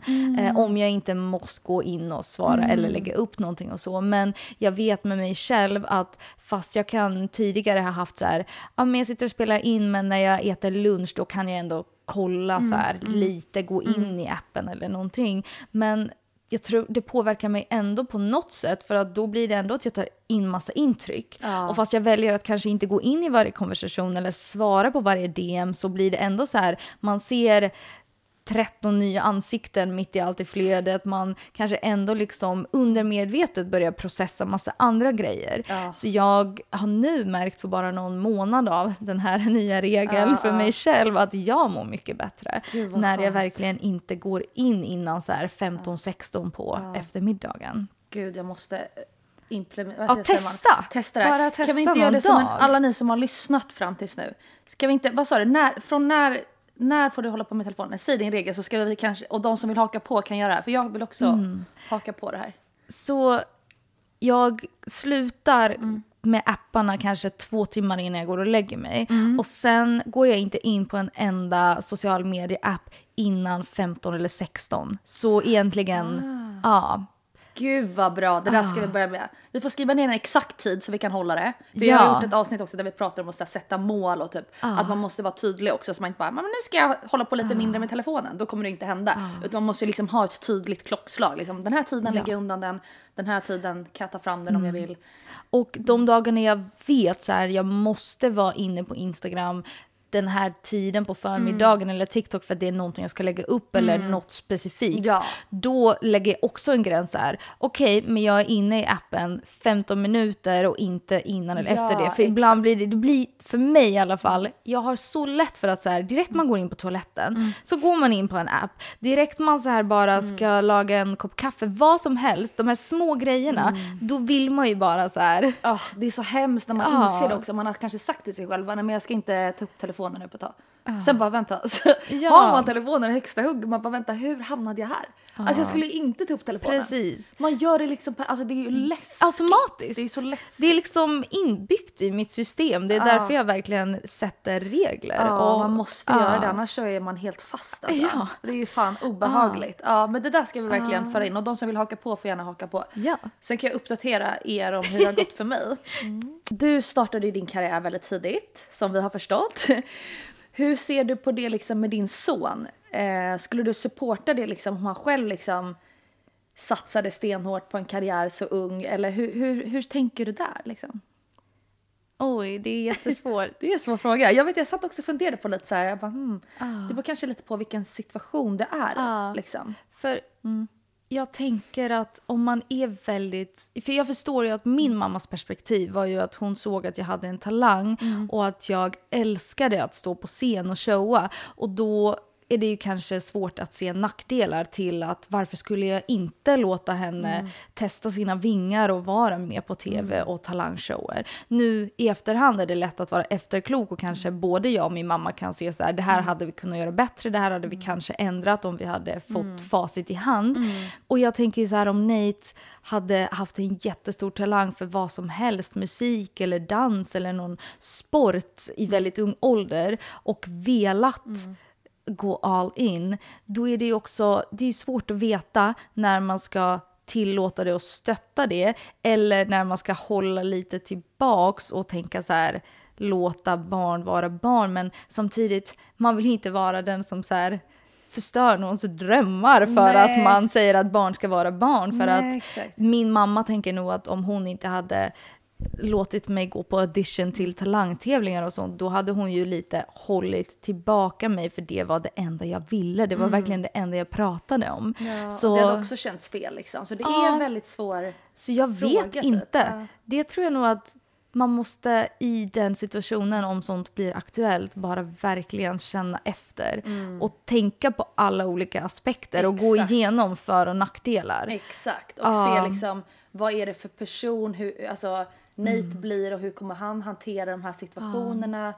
Liksom, och att bara finnas där typ. Men som du säger, det är saker och ting inte svart eller vitt. Det är Nej. inte här bara stenhårt nej. Utan, Ja. Eller så här, absolut ja. Utan det är väl lite beroende på liksom. Exakt. Som du säger. Nej men jag såg att det var eh, Nina Grimsell, heter hon så, eh, som la upp så här, tips på vad man kan göra för aktiviteter med eh, sitt barn. Typ. Hon bara, jag tycker det är så svårt att komma på så här, saker man kan göra när man är liksom hemma hela tiden med barnet och så blir den rastlös och uttråkad. Och speciellt om man kanske vill implementera det här som du gör, att man inte har så mycket skärmtid och sånt. Vad har du för tips där liksom till mammor? Att, vad kan man göra för aktiviteter med sitt barn? Det jag och Nate tycker om att göra mycket är ju att vi gör små vardagssaker som man ändå behöver göra men vi gör det till en hel grej. Så om jag till exempel om vi båda är hemma och vi är lite förkylda och det blir den här typ, ja, nu, idag är en sån dag som man kanske måste fylla med program så att det inte blir att man bara klättrar på väggar. Då brukar jag se till att så här, okej, vi ska laga lunch istället för att gå in med attityden så här, ah, jag slänger ihop något. Då blir det så här, okej Nate, nu har vi kockskola, nu så här, nu gör vi någonting och så tillsammans bestämmer vi ett recept. Och mitt i allt har det gått så här två timmar och det har varit roligt och jag har fått ihop en lunch och han har skrattat och han har liksom varit stimulerad och fått testa nya saker och så här. Så mitt främsta tips är alltid att bara försök hitta det roliga i allt du ändå måste göra. Typ direkt Nate ser att jag ska typ tvätta kläder så springer han och bara jag vill sortera. Och mitt i allt så går det en halvtimme för att vi sorterar kläder i högar, han får lägga in allt i maskinen, vi skojar lite samtidigt, alltså det blir så här när en man rolig grej liksom. Ja, Och barn verkligen fattar allt. inte skillnaden heller. Så här, vissa kan ju, jag vet inte om jag har sett något TikTok, så här, det där är så taskigt mot ett barn. Typ så här. Man bara, men vadå? Du kan ju göra det till en rolig grej. Det är för Ja. barn, och barn gillar ju att vara involverade och känna Ja. att de hjälper till. Det mår ju de barn bra av liksom. Ja. Ja, alltså Nate är verkligen, han älskar ju att typ så med dammtrasa. så han kan, igår faktiskt kom han till mig och sa så här, för jag hade sagt att vi skulle gå ut och cykla lite. Och då kom han till mig och bara, mamma det är damm på tv-bordet, ska vi inte städa innan vi går ut? För han tycker det är roligt. Och han, blir, han får så här kicks av att det blir rent. Ja. Och ja, och jag är inte, jag är inte så redig Nej, av mig. nej. Men då var det så här, ah, okej. Och mitt i allt hade det gått en halvtimme för att vi bara tillsammans gick omkring och tog bort damm. Och han tyckte det var så roligt. Och han bara så här, hittade på roliga sätt och nya sätt att bara städa på var eget perfekt. initiativ. Då fick jag ett städat hem också på köpet. Men annat som jag tycker om att göra som kanske då är inte städa eller laga mat. Ja. Eh, Nate älskar att vara ute, så vi är ju ute mycket. Vi Ja. går på så här skogspromenader, hittar på lite äventyr. Mm. Bara så här gå till något nytt ställe som man inte har promenerat till Mm. förut. Bara en sån Bara grej kan vara jätteroligt för barn. Ja. Och eh, hemma så är det väl lösa korsor. det är verkligen superkul. Det är så kul. Det är så gulligt, Eh, det är ja, så men det är så roligt. Men vi gör mycket så här, vi löser korsord, vi ritar mycket tillsammans. Ritar, målar, pysslar, kreativ, ja. pysslar. Han Ja. älskar att så här, klippa olika former i papper, alltså göra en liten värld där han så här, gör olika former och alltså ritar dem och fixar och ja, men, så här, små pysselgrejer och allt möjligt. Men eh, ja, så det är nog mycket sånt vi gör. Ja. Men jag tänkte komma in lite på, han, han kan ju lösa korsord. Ja. Alltså han är fyra år och kan läsa och skriva. Vilket är väldigt ovanligt. Alltså väldigt, väldigt ovanligt. Och jag vill också tro att det har mycket med Alltså att, han, att du har suttit med honom och liksom gjort det till en rolig grej. Det är inte så här, nu ska vi sätta oss och lära oss alfabetet och det är tråkigt. Utan du gör det till en rolig grej. Du är väldigt pedagogisk. Plus det här med att han kanske inte har de här snabba kickarna av iPads och sånt vilket gör att han lättare kan fokusera på en sån uppgift som tar lite längre tid och där han måste använda mer tankekraft. Och så här, där blir jag också väldigt inspirerad av dig. Alltså så här, att jag också vill göra det med min son. Att liksom sitta och... Sen är det ingen prestige i att man ska liksom kunna det när man är fyra. Men jag, jag tycker att det är bra att liksom... Ja, men just det här med att man kan sitta och lära sig och, och liksom intellektuellt liksom ha den det fokuset. Det tror jag är en bra egenskap liksom, att liksom utveckla hos ett barn. Ja, och att göra det till en rolig grej oavsett hur långt barnet har kommit i sin egen resa och utveckling. Man behöver inte ha som mål att barnet ska lära sig läsa och skriva Nej, och precis. lösa korsord på egen hand innan de är fem. Utan det kan mera bara vara så här att man introducerar sånt som en rolig grej Ja, som man precis. gör tillsammans.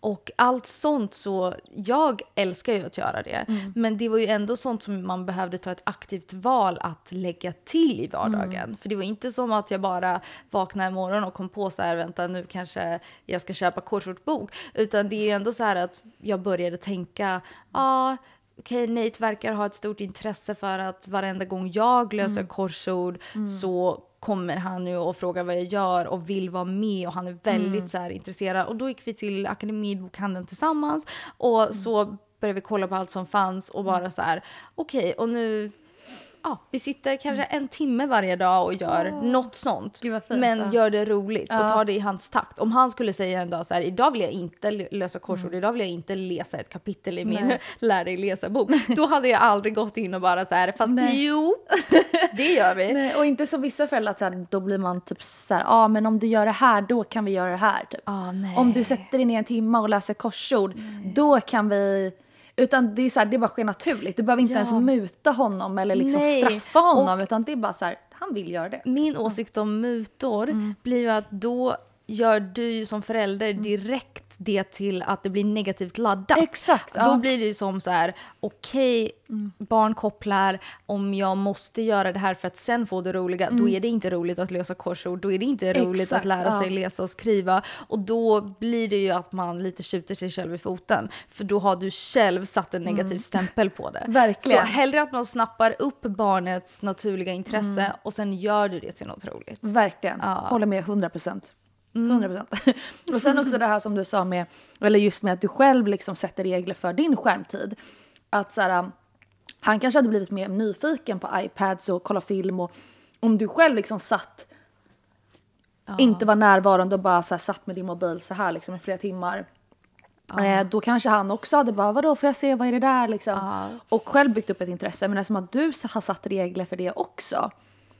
Alltså Ja. förstår det är också viktigt att man liksom, Ja, som man- vi pratade om innan, barnen Exakt. gör ju inte som du säger utan de, de tar ju efter det du gör. Ja. Ja, jag skulle aldrig sitta och så här scrolla på sociala medier när jag är med Nate eller när han är med. Sen kan det ju hända att jag ibland fast jag sitter i samma rum som Nate måste så här, ta upp datorn och svara på ett mejl. ja. Och det är ju en helt annan grej. Men att så här, jag skulle sitta och typ scrolla på TikTok när Nate sitter bredvid, det skulle Nej. jag aldrig göra. Nej. För att då, Ja, det sen- blir ju helt fel. Ja, men sen Om- kan man ha egen tid. Han kanske sitter och leker med sitt och Ja. du kanske gör ditt. Ja. Men att sen när ni väl typ gör någonting tillsammans så Precis. Ja. att faktiskt då vara närvarande och lägga Ja. ifrån sig telefonen. Och det, det är någonting jag själv är lite rädd för. Att så här, Ah. shit, gud, tänk om man... Gud så hemskt, alltså man fastnar Mm. ju i telefonen. Liksom. Tänk om man gör det liksom, med sitt barn. Alltså, det vi vill verkligen inte hamna där. Liksom. Jag har ett bra tips som jag själv brukar göra. När man känner att man kanske har en stressig dag och man har mycket man behöver göra eller att man så här, det är något man håller på man ska mejla och svara på Insta DMs och vad som helst när man känner att det är mycket. Då brukar jag ehm, ta min timer och så brukar jag lägga en så här tidsspann på till exempel, nu lägger jag på min timer på vad man än har tid för då, kanske 30 minuter. Och så lägger jag ifrån mig mobilen och så går jag och gör något med Nate, till exempel sitter och leker eller är närvarande och har bara fokus på honom 30 minuter. När den ringer då vet han så här, okej nu måste mamma jobba eller svara på mejl en stund. Och då lägger jag samma timer, sitter med det jag måste göra och gör det. Och så liksom turvisas jag om så. Eller Gud, om jag vad bra. spelar in sång och Nate är med, då vet han så här, nu spelar mamma in en stund, då leker jag här. Sen när mamma har sjungit, då är mamma bara med mig. Och för min egen del blir det också då känner jag att jag är tillräckligt på båda planen. Mm. För jag vet att när man hela tiden känner att jag ska både vara så här, den bästa mamman och jag ska vara bäst på jobb eller hinna med allt annat eller städa lägenheten. Och det blir så här, då blir det ju att man känner att jag är inte tillräckligt på något plan. Men när man gör den här grejen med timern Mm. och fullt fokus på en sak åt gången, då känner du, jag är närvarande, Ja, jag har tid. ja. Och då kan man också påminna sig själv. För jag kan ibland få dåligt samvete när jag Mm. sitter och typ sjunger in någonting eh, fast Nate är helt okej och sitter och gör vad han än gör. Ja. Så kan jag sjunga och bara, åh nej, jag önskar att jag också kunde sitta och leka med honom. Men Ja. då påminner jag mig så här, jag var fullt närvarande, jag hade min mobil i ett annat rum, jag tänkte inte på sången överhuvudtaget för jag satt och lekte med Nate och hade full fokus. Så nu kan jag faktiskt i 30 minuter ha full fokus på musiken. Ja. Och sen är jag med honom igen. Ja, utan då- att ha dåligt samvete när det är med Nate, att du bara fan jag skulle ju spela in musik. Alltså, det där är så Ja. bra grej och det där kan man ju, alltså även om man inte har barn så tycker jag också att det där är en bra grej oavsett vad det är om man har typ skola blandat med man kanske håller på med sociala medier, vad det nu än Ja, är. Att man som liksom helst. delar upp det i sånt, att man gör en sak i taget. Ja. För där kan jag också ha svårt ibland, alltså jag har ju ADHD och jag vet säkert många som lyssnar kanske också har lite. ADHD-tendenser. eller ADD har jag, har du också ADD? eller? ADHD. ADHD, okej. ja. Men det heter nu för tiden bara ADHD tydligen. För att du är ju fortfarande hyper Ja. om du har ADD. Men, Men det jag syns vet, ja, det är inte. skillnaden. Ja, men Ja. det syns inte fysiskt men du är ju fortfarande hyper här uppe också. Men då kan det vara väldigt så här, man blir väldigt spretig liksom. Och så här, ska jag göra det här och så vad gör man det här? Men så bra grej verkligen, att bara dela upp det så att man inte får dåligt samvete av att man gör det men inte det liksom. Ja. Ja, timern har, Mm. timern har räddat min, mitt samvete och hur jag mår. Ja. För det är ju mest ens egen känsla. Verkligen. Och då ja. Mm. kan jag fokusera min fulla energi och vet så här, det är en tid och det Ja. finns ett början och ett slut. Ja, det men det är blir- verkligen ett framgångsrecept också tycker jag. Alltså, Ja. så här, det är verkligen en jättebra grej. Så det kan vi också eh, börja Challenge. med. Challenge Ja. och börja med. Ja, men det ska jag faktiskt också börja med. Ja. Att sätta en sån timer. Men eh, på tala om liksom framgång och, och sådär och manifestera. Vad har du att först undrar jag liksom vad du har att säga till folk som själva håller på med musik eller vill liksom ja, men göra karriär inom musik, om det är liksom som egen eh, artist eller om det är skriva musik till andra eller producera, vad det nu kan vara. Liksom. Vad har du för tips, tips där liksom? Att gå, har du något tips? För det är väldigt svårt idag att ta sig igenom tror jag, Det som är det. artist. Liksom. Därför är mitt absolut bästa tips Mm. att göra exakt sin egen grej. För Mm. jag vet att många unga, inklusive jag, för bara fem sex år sedan, lätt ville bli det som någon annan redan var. Man Mm. kanske har en idol, kanske ser upp till Sara Larsson och tänker så här, om jag är lite som hon kommer jag slå igenom. Men det finns redan en Sara Larsson, det Mm. Ja. finns redan en Dua Lipa, det finns redan vad som helst. Mm. Och när man, vill, när man tror att man måste forma sig för att slå igenom, Mm. Då kommer det liksom inte lyckas. Och fast det skulle lyckas så är du inte så true to yourself. Så du kommer ändå inte vara lika glad över din framgång. Så var det mycket för mig. Att jag kunde känna lite så här, fast vänta, det här känns inte som jag och nu älskar någon det, men det blir lite så här en konflikt i mig själv. Och därför är jag så glad över att jag nu kan visa mina följare att jag är en mamma som sitter och läser korsord. Nästa dag så spelar jag en stor spelning eller skriver en låt för något coolt tjejband. Du kan göra allt. Och jag tror att jag blev lite intalad någon gång på vägen att det skulle vara en svaghet att vara en mamma och en artist för att det är inte så coolt att vara en mamma. Men det har jag bevisat motsatsen. Det är visst coolt. Vad du än är är coolt. Man behöver inte liksom passa en sån här box Nej. och sen hålla sig till det. Nej. Jag vill verkligen visa speciellt unga tjejer att du kan vara allt på samma gång. Mm. Du kan vara liksom en mamma som sitter och leker eller byter blöjor eller vad som helst och sen köra din grej. Mm. Ja. Och bara så här embrace it, omfamna alla de delarna och gör det till din grej istället för att försöka hitta någonting. Nej, och ta efter liksom. Ja. Mm. Verkligen. Och då kommer vi tillbaka till det här med magkänslan och vad som känns rätt och vad som är du och det som är Mm. genuint liksom äkta. Men om du ska ge liksom ett tips annars då utöver bara artisteriet. Det här var ju också för sig ett brett tips som man kan ta efter i allt möjligt.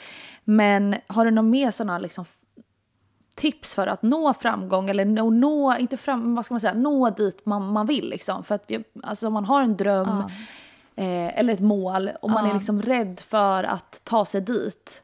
För att man är rädd för att misslyckas eller att Ja. det känns så himla långt bort. Vad har du för tips där? Sätta tydliga mål och sen sätta mindre mål. Och konstant, jag går varje söndag igenom alla mina mål.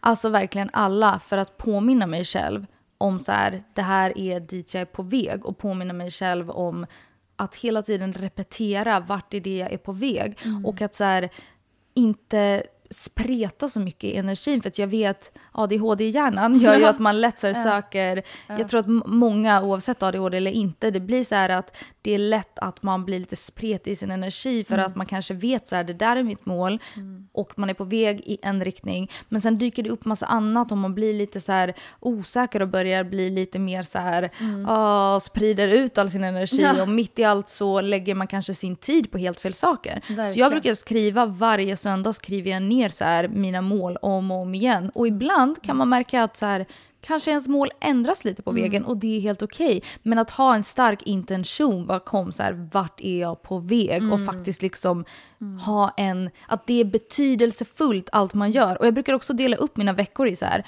vad är det jag gör som jag måste göra? Alltså så här, måsten kan vara att du kanske då går i skolan eller du går på något jobb för att få lön eller du hämtar och lämnar på förskola. Vad som helst som är så här måsten. Städa, tvätta, laga mat. Men sen har jag också så en lista på needle moving activities.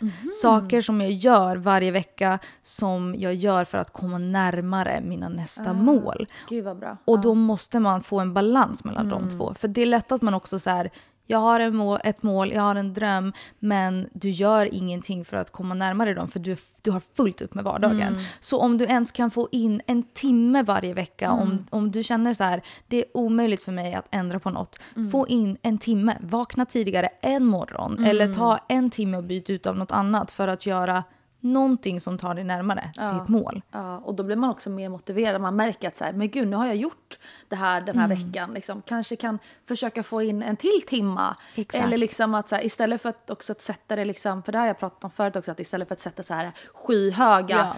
kraven på dig själv, att jag ska gå och träna fem gånger i veckan eller två gånger om dagen och man bara, men börja smått liksom. Baby steps. Ja, Exakt, och Ja. sen kommer det liksom Ja. komma mer och mer. Så länge du bara Exakt. ser att du rör dig mot målet som du Ja. säger. Och jag tycker det är så bra grej. Vad var det du kallade det? Att man skriver ner... Needle moving activities. Det är de sakerna du gör som för dig närmare dina mål. Ja, Ja. jättebra. Och jag tror också att så här, man brukar säga att man kan bli stressad av att man jobbar för mycket och du vet sådär. Men jag tror också att man kan bli stressad av att man har en vision eller man har ett mål eller en dröm och sen så fullföljer man inte det man har lovat sig själv eller det som man liksom... Det kan ju också ge stress. Ja. Eh, för att man inte känner sig tillräcklig. Och då kan det ju vara en sån grej som du tog upp att man delar upp det som du gör med timern och att man skriver upp baby steps liksom.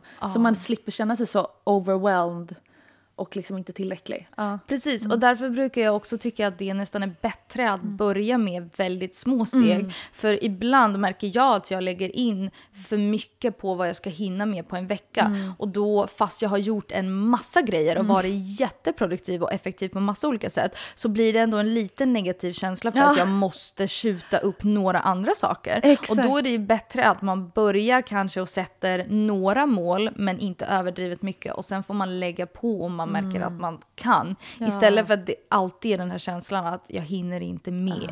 för man vill inte känslan. känna sig Nej. så. Nej. Och tänk dig jämföra den känslan med att du bara åh, jag hann med det här. Liksom. Gud, jag har gjort det här som jag satte upp. Och bara gud vad jag, jag känner mig stolt och glad. Ja. Och jag känner mig produktiv. Liksom. Ja. Men hade du lagt till fem grejer till och du hade ju fortfarande gjort samma sak. Hade du inte känt dig produktiv som du precis sa. Alltså så bra grej. För känslan när man känner så här, jag klarar av det här, jag har gjort något. Det är det som ger mer motivation och inspiration att fortsätta nästa dag. Exakt, verkligen. Period.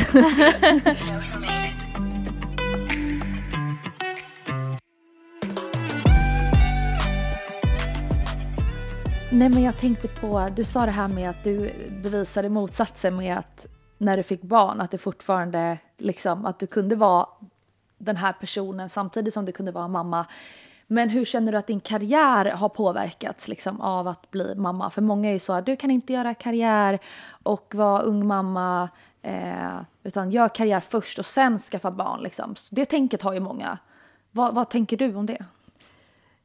Jag tänker att som med allt annat är det individuellt. Jag förstår 100% om man känner att man vill göra en viss del i sin karriär innan man blir förälder, fast man vet att man vill bli förälder. At some point. Jag förstår det, för att det är absolut ett livspussel du måste få ihop. Men för min del så har jag fått så mycket alltså positiv förstärkning på min karriär från att vara mamma. För att det ger mig en så här ny dimension av att när jag jobbar och jag är så motiverad och gör det jag älskar så vet jag så här, ja och så har jag också min underbara son som jag får åka hem till sen. Så det är liksom, min balans har fått en större innebörd och det är liksom, det, allting känns mer betydelsefullt för mig. Och sen har jag turen att Nate gillar musik. så han är mycket med mig så här i studion och han har varit på några spelningar jag har jag kan ta med honom på mycket. Så det gör ju att det underlättar. Så jag har inte märkt av, det har inte blivit... Det är väl ibland när jag har så här att jag måste resa iväg någonstans några dagar och göra någonting eller att jag har sena kvällar och då kan jag ibland bli så här... "Huh." Ja. Det, det känns lite i mammahjärtat. Ja. Men eh, sen igen så har jag så mycket mer tid på dagarna för att jag kan bygga upp mitt eget schema. Mm. Ja. Så jag har, inte, jag har inte känt att jag inte hinner få ihop allting. Nej. Utan tvärtom, jag har fått en större motivation att så här, vara fullt fokuserad och mer närvarande som ett timer. Ja. Det Men hjälper vad- mig. Jag bara, gud vad skönt att höra för mig som Ja. blivande mamma. Ja. Men, ja, men det känns ju skönt att höra. Men som du säger, sen har ju alla, alltså nu har jag valt att gå en lite mer kreativ väg så som du gör. Och där jag liksom kan sätta mina tider själv och så. Det är en annan Exakt. sak om man har valt en karriär Ja. som kräver någonting annat så förstår jag Precis. att det kan vara helt individuellt beroende på vilken väg man väljer att ta i livet. Eh, men ja, det var ju kul att höra. Att, man kan, att det liksom på något sätt stärker också motivationen och att balansen blir väldigt, eh, så länge man kan balansera det liksom. Ja, och en viktig sak som jag kom på nu Mm. är att det har också gett mig ett väldigt hälsosamt perspektiv. För Mm. att innan Nate så tror jag att jag la för mycket press på min karriär för att det var det största i mitt liv. Mm. Ja. Nu är det inte det största för nu är mm, att ha Nate och vara en mamma så är det viktigaste för Mm. mig och det som jag lägger mest fokus på och det som betyder mest för mig. Så då blir det att jag har en hälsosammare relation till min Mm. karriär och jag kan ha lite hälsosam distans. Det tar inte bort av mitt driv eller hur Nej. fokuserad eller målinriktad jag är. Nej. Det kanske till och med gör mig lite bättre i så här business, Mm. eh, alltså sidan av det. För att jag kan tänka lite mer så här det stora hela Ja. och se saker från ett annat perspektiv. Ja, gud vad intressant. Eh, att jag tror att det är det som många skräms av. Det som du precis berättade, fast tvärtom. Att de tror ju att det ska göra dem mindre produktiva. Och, alltså så här, de tänker alltså många är ju så, jag tror många idag, unga, känner så här, men gud, jag kan inte, alltså som, som tänker så här, jag vill inte ha barn för att de är rädda för att inte vara mittpunkten. Alltså rädda för att kanske offra någonting av sig själva och ge till någon annan. För som du säger, det blir det största i ditt liv. Och det är det du menar är det positiva. Men jag tror att många kan känna att det är det negativa. Förstår du vad jag menar? Jag förstår. Men då måste man också tänka på att så här, är det inte skönt ibland att så här, kanske inte alltid vara mittpunkten? Att, att kanske inte allt handlar om mig. Liksom att faktiskt koppla bort lite av det. Ja, jag vet inte hur jag ska uttrycka det riktigt, men att så här, Jag förstår. det kanske är det som är det positiva fast folk ser det som det negativa. Hänger du med? Ja, exakt. Men så känner Ja, jag. ja. Mm. För att jag har en hälsosammare inställning till allt. För att ingenting blir så här på liv och död. Ja. För att man är inte så centrerad kring sitt ego. Nej, precis. Exakt. Och eh, ja, för nu är det ju mer så här, nu tänker jag mer på helheter, på det stora hela och vad blir bäst i längden. Innan var det mycket så här, mitt ego var mer aktivt i Ja, exakt. allting. Ja. Och jag älskar att inte ha det Ja. så. Jag har verkligen vuxit Exakt. som person. Ja. Eh, innan vi avslutar så vill jag fråga en sista fråga också. Eh, eller jag kommer fråga en till fråga sen som har kommit från en tidigare gäst. Men först innan vi går vidare till det så vill- undrar för jag vill prata lite mer om manifestation. Om du har något tips där till folk som liksom, vad är manifestation och hur manifesterar man? Och hur har du gjort?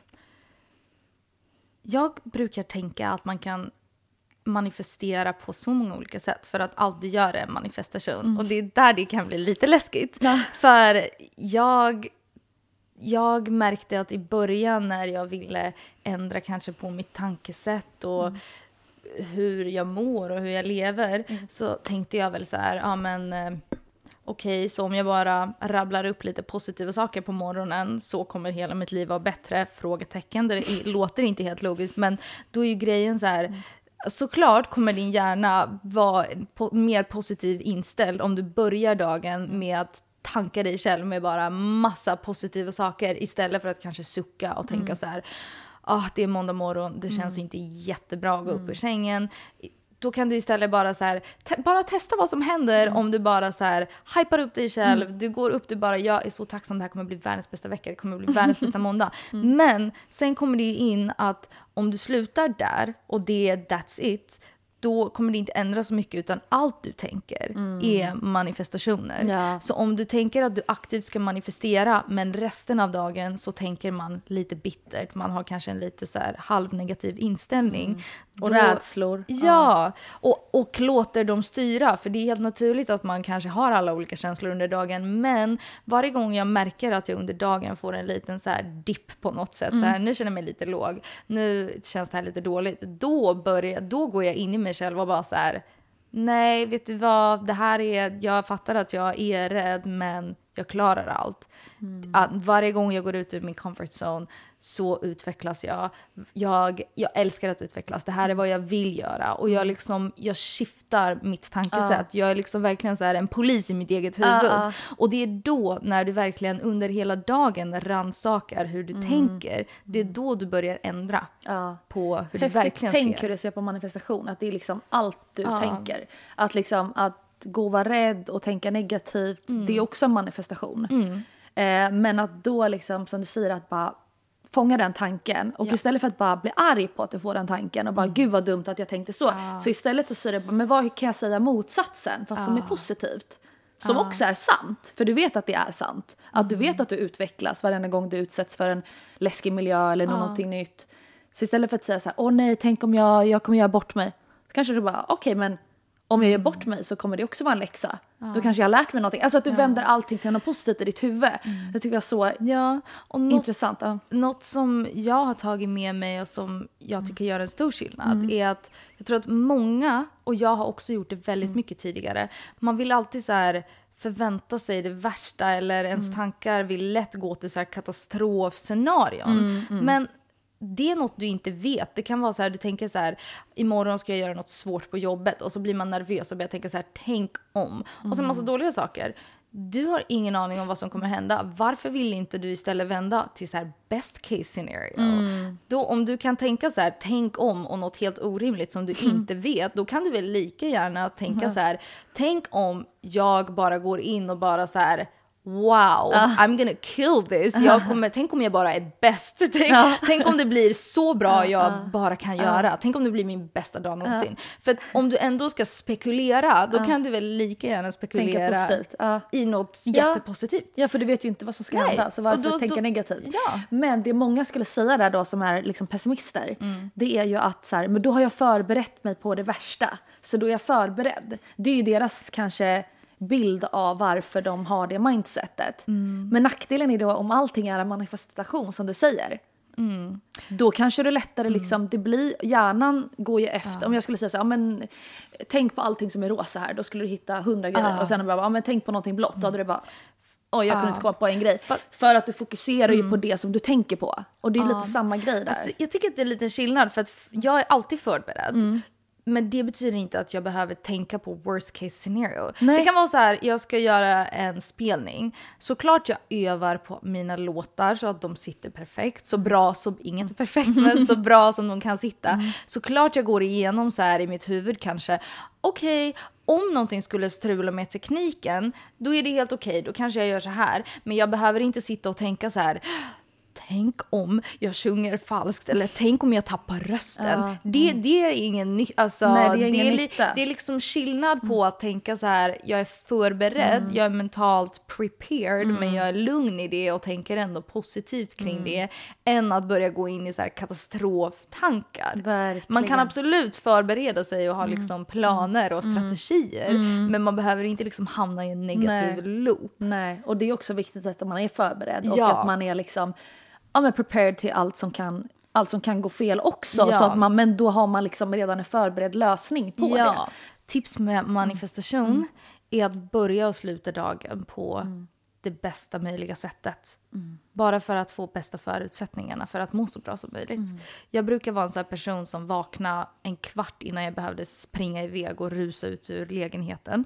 Och eh, jag hade bara intalat mig själv så här, jag är ingen morgonmänniska så det är bättre att jag bara maxar min sömn. Men eh, det, det var jättefel, det gjorde jag bara för att jag var lat. Nu vaknar jag och ser till att jag åtminstone har en, en och en halv timme helt ensam innan Nate vaknar. Vad där jag hinner så här, jag tänder ljus, jag verkligen så här börjar min dag med så mycket så här kärlek jag kan. Jag lyssnar på något så här bra, positiva tankar på, typ, på Spotify man kollar på så här affirmations. Det finns så mycket bra som jag älskar. Och sen gör jag lite yoga, lite stretch, jag dricker mitt kaffe, jag skriver ner lite positiva tankar för dagen. Vad jag, ska, jag går igenom min dag i en så här lugn, bra, positiv ton. Och då märker jag att jag liksom sitter där och typ småler och bara så här, jag är så glad och taggad för dagen. Och det har hjälpt mig så mycket. Jag tror att jag aldrig har varit lyckligare än sen jag började med det. Ja, det så, och ja. på kvällen, samma sak. Ja. Gud vad bra. Jag har också haft, nu har jag inte gjort det på länge, men jag har också haft perioder där jag går upp så här, har en timma för mig själv där jag bara typ så här, ibland blundar, visualiserar saker, Ja. ser framför mig hur jag gör den här uppgiften. Alltså det kan vara sån liten grej som att jag ska typ ringa läkaren eller någonting som jag tycker är Ja. skittråkigt. Så bara, okej jag ringer läkaren, ja, men det gick ju bra. Och sen så bara, och sen ska jag gå och käka lunch. Alltså det kan vara såna små grejer. Och sen kan det även vara stora grejer som ett, liksom, en dröm jag har långt, långt fram i tiden. Till att så här, ringa läkaren, det kan verkligen vara vad som helst. Men då blir det så mycket lättare att göra de här stegen när man redan har sett framför sig med en liksom, positiv ton. Och att romantisera det liksom, genom som du gör, tända ljus och typ. Ja men det är så bra grej. Och, Men nu har jag inte gjort det på länge men det är verkligen sant att man Mm. mår så mycket bättre. Jag kan tänka mig att många blir så provocerade av att man, ah var positiv. Men vet du, jag var så innan. Ja, är jag så. blev jättetriggad. För att när jag inte mådde som bäst och jag inte var den bästa versionen av mig själv och jag också hade mycket så här lathet och jag ville inte ändra på mitt liv eh, av många olika anledningar och jag var inte den bästa versionen av mig själv. Då blev jag också provocerad när andra kanske liksom gjorde sånt som jag innerst inne kanske hade velat. Jag ville vara den personen, men jag hade liksom inte styrkan och viljan inom mig att ändra och försöka bli den personen. Och så nu om jag märker att jag blir triggad av något någon annan gör, då är det första jag tänker så här, vad i mig är det jag kan jobba på? För att det är uppenbarligen så här, det speglar någon svaghet eller någon, hos något sår själv, i mig ja. själv. Och sen är det en annan sak om man inte blir triggad men bara inte håller med, då är det en helt annan sak. Men när jag blir triggad, Att då märker jag, själv, ja. ja, då märker jag så här, kanske det är någonting jag borde testa. Men det är nog väldigt få människor som tänker så tror jag. Alltså som tänker så här, Ja, och jag, jag blev vet. triggad, Ja. varför blev jag triggad? alltså det är nog så få människor. Ja, ja, men, jag alltså, så här, men det är så sant. Alltså, så här, blir man triggad då är det ju, finns det ju en underliggande Ja. anledning till varför man blir triggad. Eh,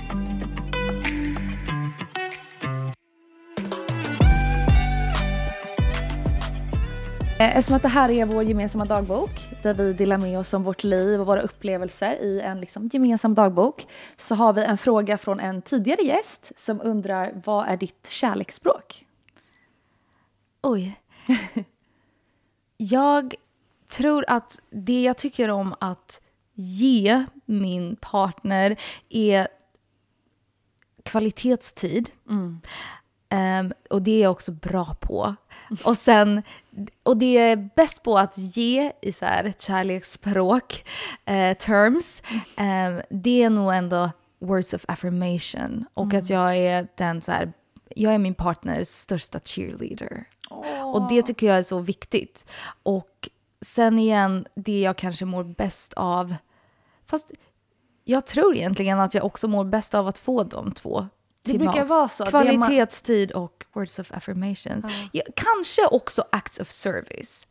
Men, ja, det är när man gör saker för den Ja, andra. Ja, ja. men det är nog mest för att min partner är en sån otrolig, alltså han är en doer. Han är så här, finns det ett litet problem löser han allt. var skönt. Och han är alltid den som så här, alltså jag behöver inte tänka när jag är med honom utan jag kan slappna av för att han löser, han fixar och det kommer naturligt för honom. Det bästa för oss som har ADHD, att ha en Ja, doer. och det är därför jag tror att det på något sätt också är så här, Uppskattat liksom. det är väldigt uppskattat.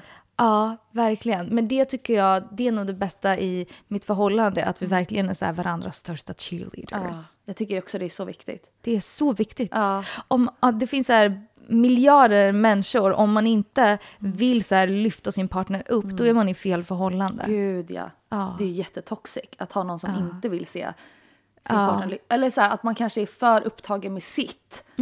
Att så här, jag kan märka ibland att så här, okej nu har jag pratat om mitt. Så här, jag det här med podden och det här. Och lalala, så här sen bara, just det. Och så de, liksom att det är viktigt att hela tiden ha en balans där. Ja. Och så där tänker jag väldigt mycket på så att man inte blir för självupptagen med bara sitt. För att det kan ju vara så när man är väldigt driven och så här målinriktad att man liksom Ja. man blir så här. Men samtidigt som min partner är också väldigt driven inom sitt liksom. Och att man liksom hejar på varandra. Alltså det är så Exakt. fint. Och liksom Ja. finns där och lyssnar och bara ah.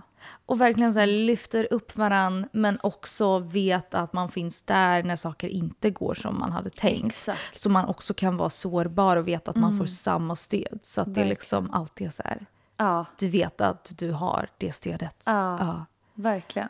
Ibland kan jag tycka det är svårt ibland att stötta sin partner där när den känner en sån svacka liksom. För då kan jag vara så här, då, då peppar jag på mitt sätt och som jag vill bli peppad. Men min kille är så här, han vill ha typ en annan typ av pepp. Det är också så här intressant hur olika man kan vara där i Ja. hur man vill bli peppad. Alltså jag vill Ja. inte ha någon som står och skriker och bara Nej nu jävla skärper du dig. Alltså jag vill ha någon som typ så här. Eller förstår du vad jag menar? Eller är du en sån som vill att någon bara, men nu fan tar du dig i kragen? Eller vill du ha någon Nej. som är så här, nej, man vill ha någon som är så här, jag förstår att du har en liten svacka just nu, men jag vet att du kommer hitta tillbaka. Ja. Att bara ha typ trust i en. Ja. Eller förstår du vad jag menar? Ja, verkligen. Ja. Ja. för det känns som att i stunden när man vill bara så här ligga i sängen en halvtimme och bara äta lite choklad, Ja. då vill jag helst att han ska stötta Ja. den grejen. Sen när jag börjar så här komma tillbaks, då kan han komma och bara så här, let's go, du har det i dig. Men där och då när jag bara vill så här gråta och lyssna på någon liten sorglig låt, Ja. då kan han helst bara hämta lite choklad. Exakt, det är det Ja. stödet. Ja, och där är vi lite olika liksom.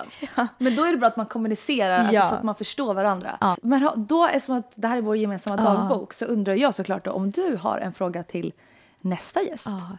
ja Har du det redan nu? Så arm? Oj, vad Jag snabb. kom att tänka på en som jag tycker är intressant att fråga Ja. folk. Jag undrar vad den personen gör just nu i sin vardag, något litet eller stort i vardagen som gör den lyckligast. Alltså det som får en att le i vardagen. Och Fint. inte liksom de här stora så här karriär eller Nej, så här, nej. det, utan verkligen något så här, Små grejer. kanske något du gör för dig själv eller ja, vad som Mm. helst. Men som är så här, det som får glimten i ögat Ah. just nu i vardagen. Ja, för det kan säkert skifta lite vart Ja. man är, men just nu liksom. Ja. Ja. Alltså jättekul att träffa dig. detsamma. alltså det var jättemysigt. Ja, verkligen. Så hoppas jag att vi ses snart igen. Ja. Nu kommer, bara för det nu när vi har träffats här första gången kommer vi säkert ses hur mycket som helst här på event och liksom. Eller hur, det brukar, Det brukar bli så. Ja.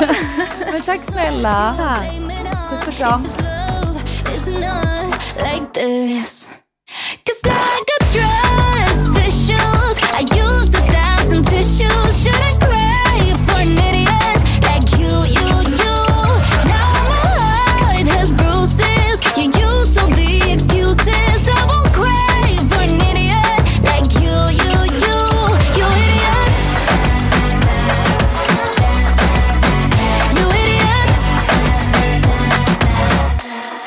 Should've never put you on the pedestal. I was so young, dumb and naive, don't need no metaphor. You lied right to my face from the very first time. It goes without saying this is the last time. Got a lot of trust issues, and you are all of them. Think you got daddy issues, but I can't solve them. It's time to take you off that throne. I know I will be better on my own. Cause now I got trust issues. I used a